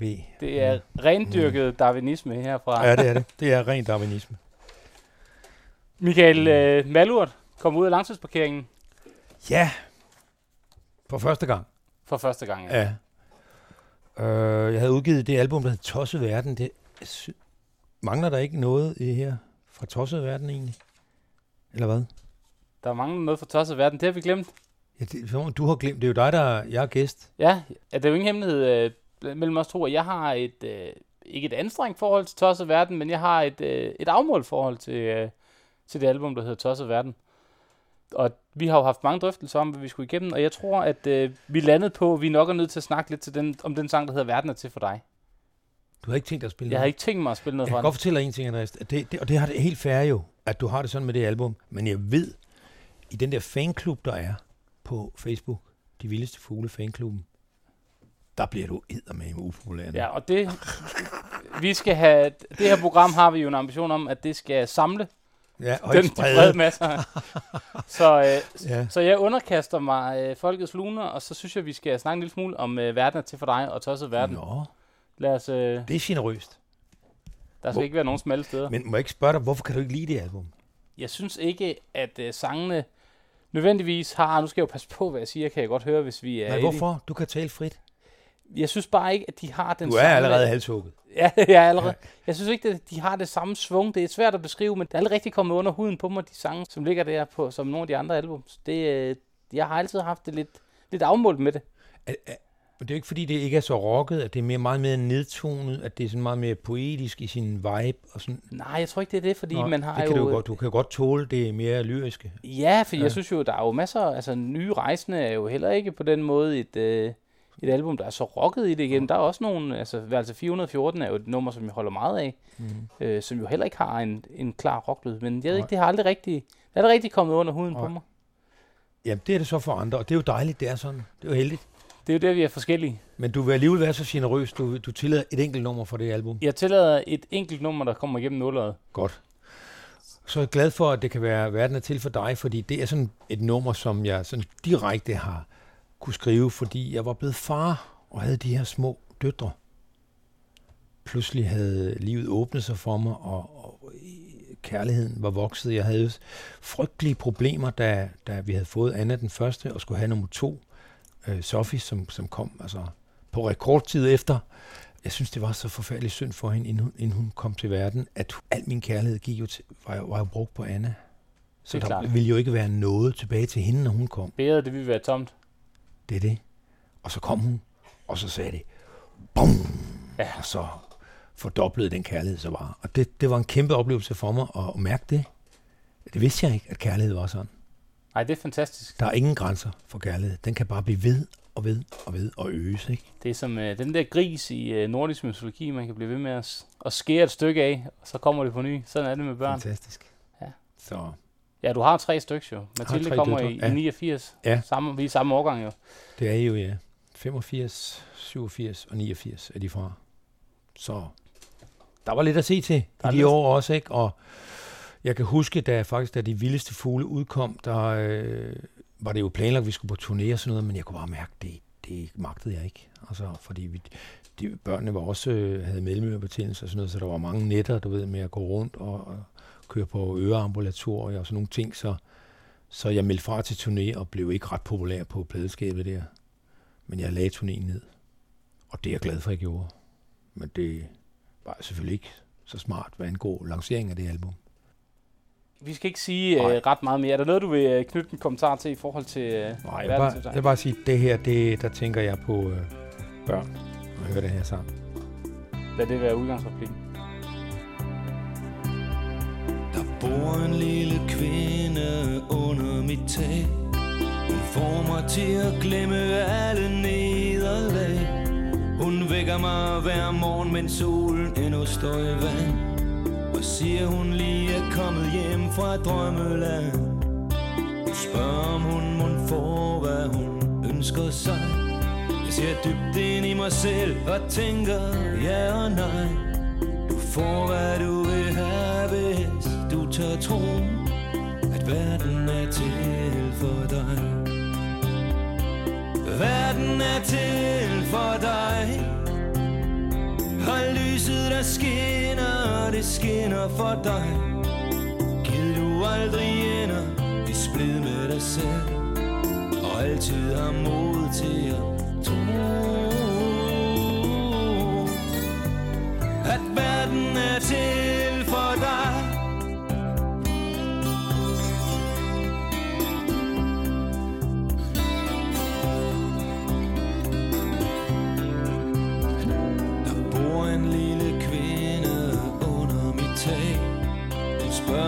Jeg vil gå med ud i verden i dag Og plukke margoritter på en sten eller høj. Og om det var til stjernerne af storken fløj Hun spørger om der er mere mellem himmel og jord. Jeg ser ud i universet og siger Jo jeg tror der er hvad der skal være, hvis du tør tro, at verden er til. Verden er til for dig. Og lyset der skinner, det skinner for dig. Giv du aldrig ender i splid med dig selv. Og altid har mod til at tro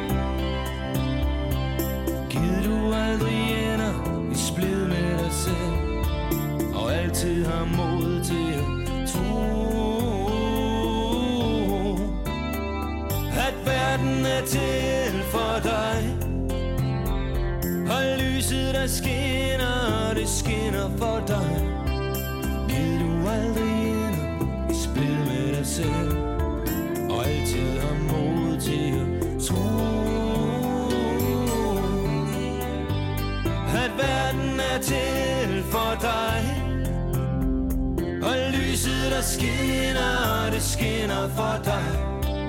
Giv jo aldrig ender i splid med dig selv. Og altid har mod til at tro At verden er til for dig. Verden er til for dig.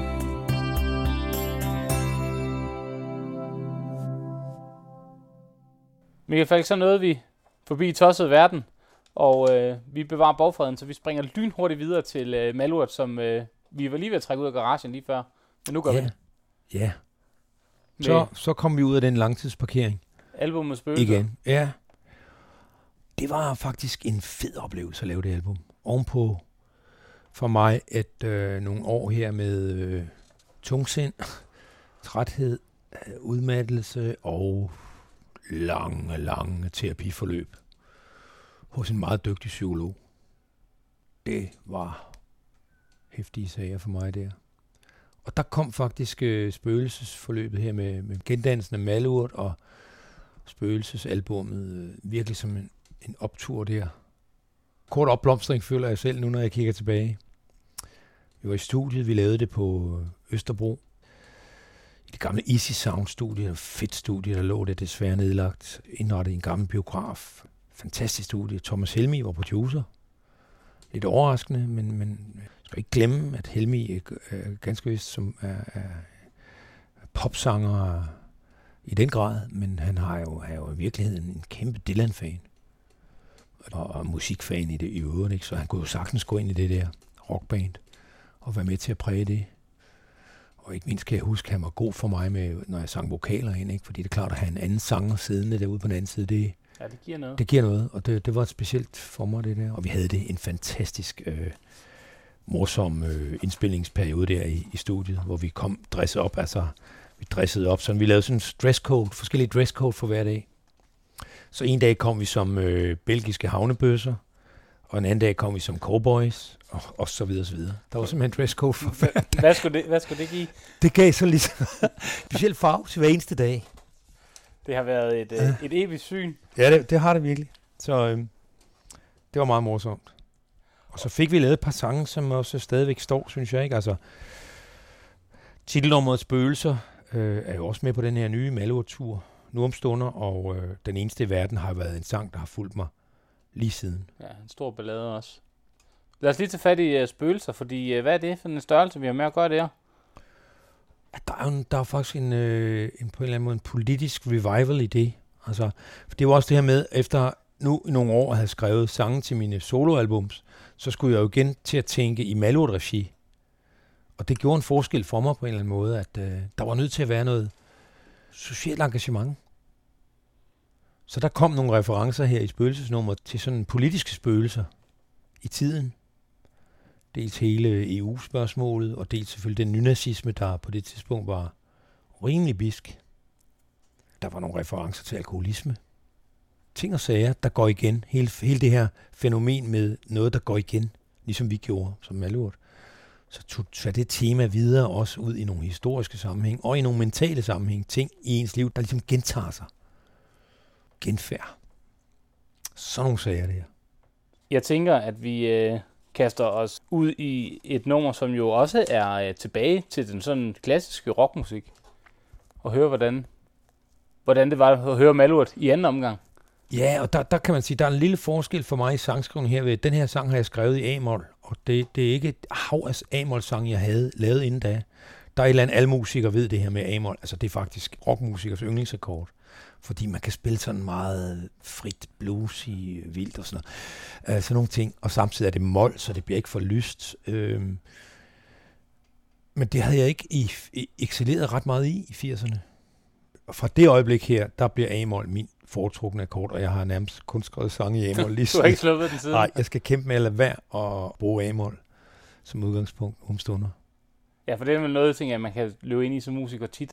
Så finder man den samme rundgang, Ja, ja. og det samme, man, man løber ind i, og lige pludselig så Ja. møder man... Øh, så møder man sig selv, altså du har jo skrevet også en, et nummer som i dit eget tøj, ikke? hvor man lige pludselig øh, opdager, at den sang, man, Har Men- skrevet, den er 20 stjålet. den er 20 stjålet fra en anden, altså Ja. i det her tilfælde Neil Young. Ja. ja. Lad os høre øh, spøgelser. Og for lytternes skyld, der skal jeg måske lige gøre opmærksom på, at der er tale om en piratoptagelse, så at sige. Et enkelt kamera, der er sat til mixerpulten i forbindelse med en koncert i Vega.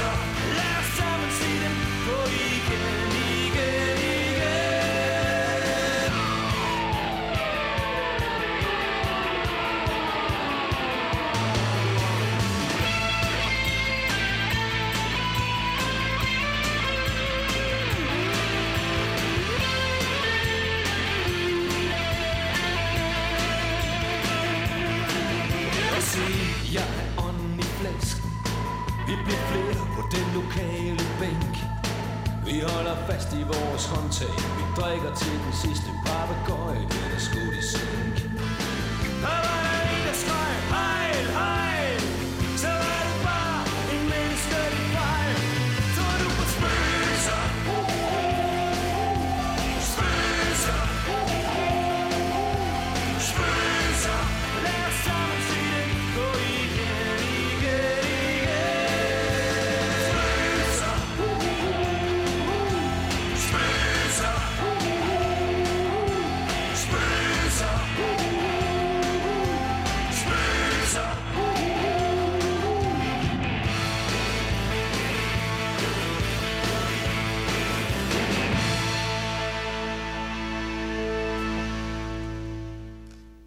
Michael, det var jo ikke spøgelser det eneste nummer, der var på den plade.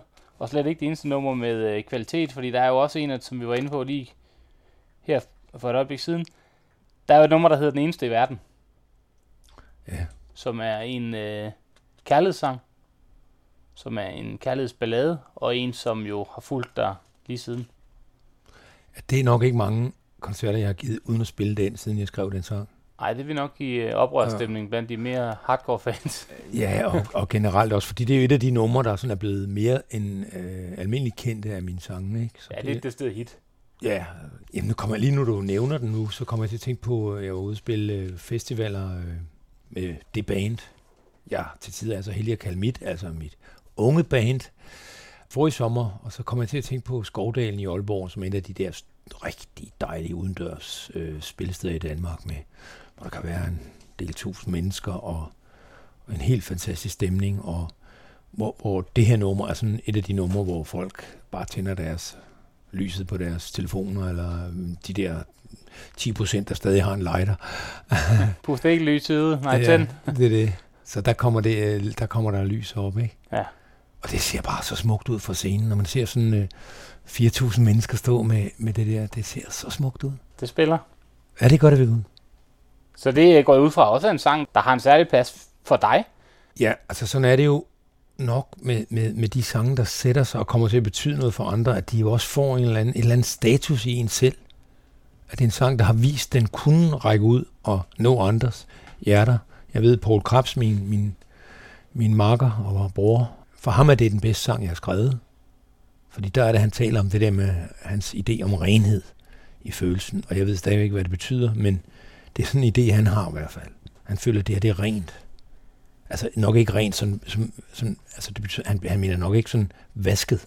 Nej, men Sådan mere sådan klart. ufiltreret. Ja, sådan noget der, ja. Men jeg er jo glad for, at han siger sådan nogle ting. Taler pænt om en kollegas sange, det er ikke lige til i et land som Danmark. og det hele taget, det her med at øh, have en relation til en kollega, det er jo det er noget, der er meget udbredt i USA, hvor de jo hjælper hinanden og gæster hinanden på scenen i tide og utide og lader hinanden shine og sådan noget. Det er som om, der er et eller andet i Danmark, der gør, og det har måske at gøre med landets ledenhed og vores øh, frygt for, ikke, jeg ved ikke, hvad det er, men det, det, det er ikke noget, der er så brugt i Danmark, som det er i mange andre lande. Det er med at blande sig med hinanden og dele rampelys med hinanden og sådan noget. Det kunne man godt gøre mere ved herhjemme. Men det er sådan noget, som en som Paul Krabs er rigtig god til. Han ligesom er sine venners ven. Ja, og I har jo også øh, turneret sammen og, Det har vi. og optrådt både med de Nemlig. tre turnorer og, Nemlig. og på Tomansson. Og der er det jo sådan, der, der har man jo sådan en eller anden, når vi nu er inde på Krebsen, altså at han har jo det her image som enormt øh, behagelig vennesæl og roligt mand og sådan noget, ikke? men i virkeligheden er han jo, når vi er sammen, så er han jo den dominerende. Alfahanden. Det er spændende. Ja, fordi det tror man jo ikke, fordi ja, han har korberjagt på, jeg har lederjagt på, så tror man jo, jeg er the tough guy, ikke? Men det, han er the bad cop. Det er bad cop. Manden Ja. bag små sensationer, han er i virkeligheden det, bad Det, cop. det kan jeg godt love dig. Der er dog, altså der, når jeg så tænker tilbage på vores uh, tur, turnéer sammen der for år tilbage, så, så kommer jeg til at tænke på, at jeg har én triumf. Og det er sådan noget med temperaturen backstage. Det er jo en vigtig, vigtig ting. Der havde jeg, var jeg på kirketur med min datter Mathilde her i efteråret, og der var jo også store problemer omkring det der. For jeg kan godt lide, at der er varmt. Og jeg vil gerne have, at der er 27 grader. Og hvorfor 27 grader? Jo, for det havde jeg læst, at Whitney Houston godt øh, ville have. Eller det vil hun have. Det stod der i hendes writer, simpelthen til kontrakterne. Der skal være 27 grader. Og så fandt jeg ud af, at det skulle også lige præcis 27 grader, der er bedst for mig. Det er klart.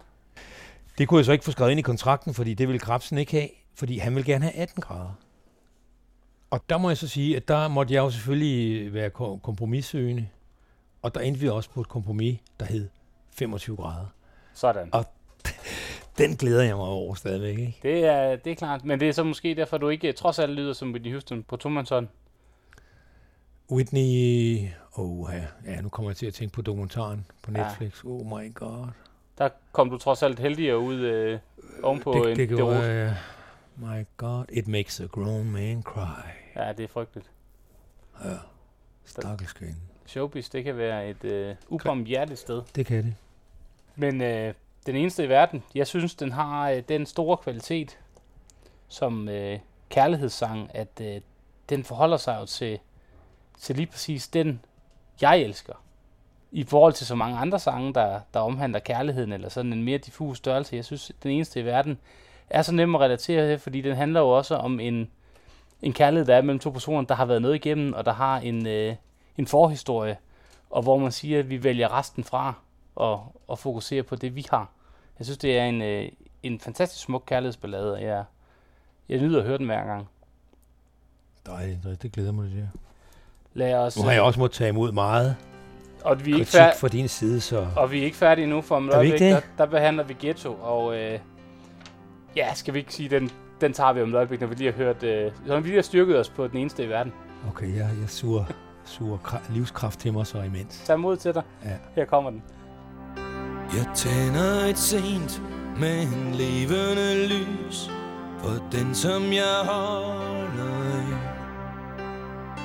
Jeg håber at du vil gå gennem mørket Og finde din vej tilbage.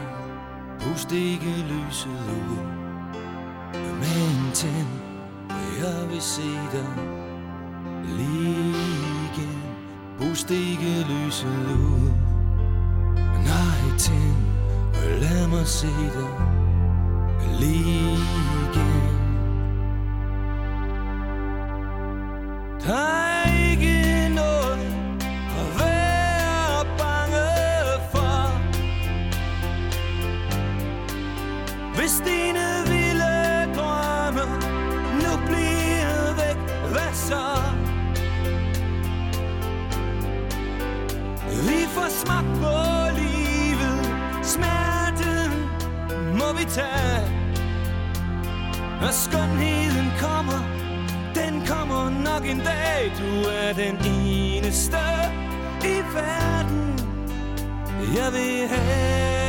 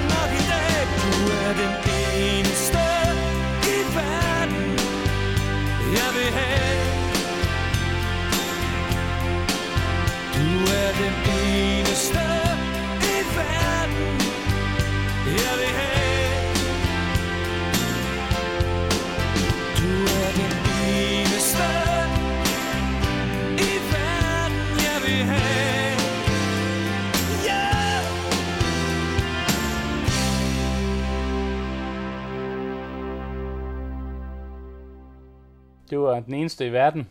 Smukt fremført. Og nu er vi så nået til den sidste Malwood-plade i denne omgang. Den plade, der hedder Ghetto fra 1993. Her er allerede løftet sløret for, at det ikke, for mig at se, er et mesterværk. Sådan som, som vindueskigger, eller, eller falder det nu, eller hvad der ellers er, er begået rundt omkring det. Lad os nu få kortene på bordet, lad os være ærlige omkring det. Hvordan har du det selv med pladen, øh, Michael? Jeg kan mærke, at du taler i flertal. Vi, siger du hele tiden. Ja, det Som om. Majestætisk flertal. Ja, det er det. det, er det. Altså, jamen, problemet er, når man selv har været bag det, så, så, så, så, har man ikke samme udefra vurderinger af, af tingene, fordi for mig er det jo en proces, vi var i der. Øh, men jeg må måske nok medgive det, at øh, det, jeg tror heller ikke, den kommer ind på en top 10 Altså, hos mig selv. pistolen på panden, skulle man have udladt en enkelt plade, så kunne du godt medgive, at det kunne have været Ja, men der er alligevel nogle... Ghetto. Ja. Det, får du mig ikke til at svare på, Stugert. Nej, Nej. det er, det er så i orden. øhm, der er jo også nogle øh, navkundige sange. Der er jo øh, det nummer, vi skal høre om et øjeblik, det der hedder Hjerte af Is, som jo er en, øh, altså en velskrevet øh, popsang, rocksang.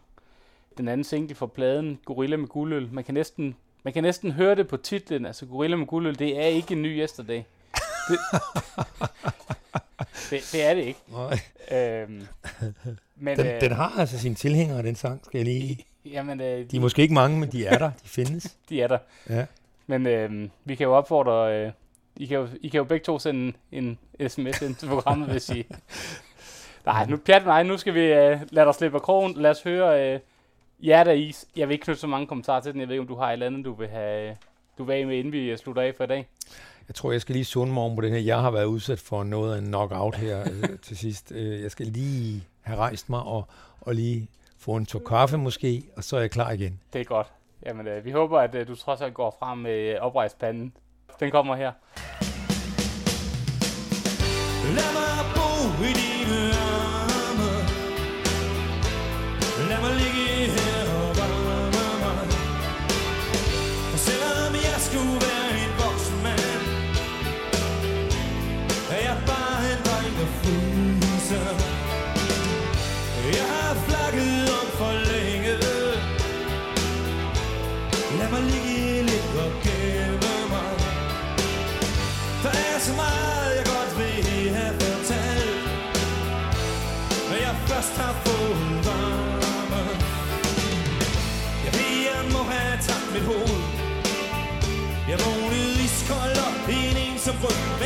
Med en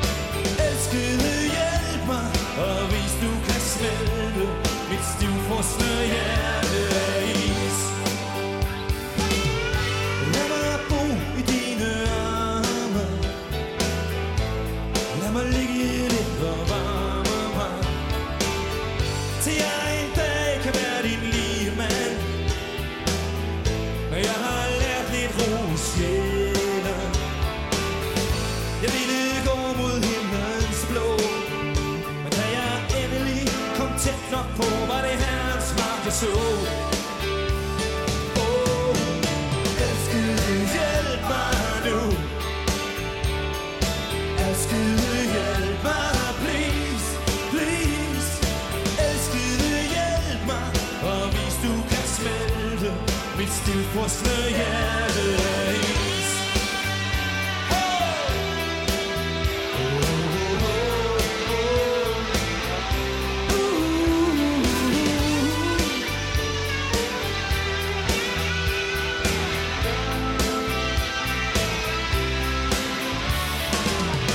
Jeg ved, jeg må have tabt mit hoved.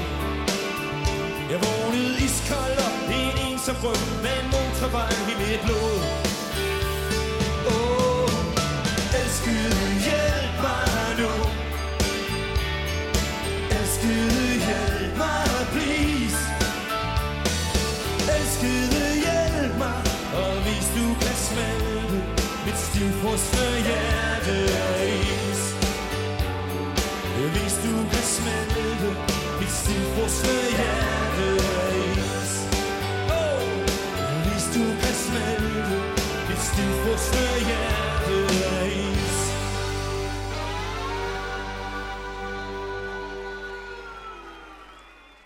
Det var tilretlægger og vært Andreas Dahl, der havde Michael Falk i studiet.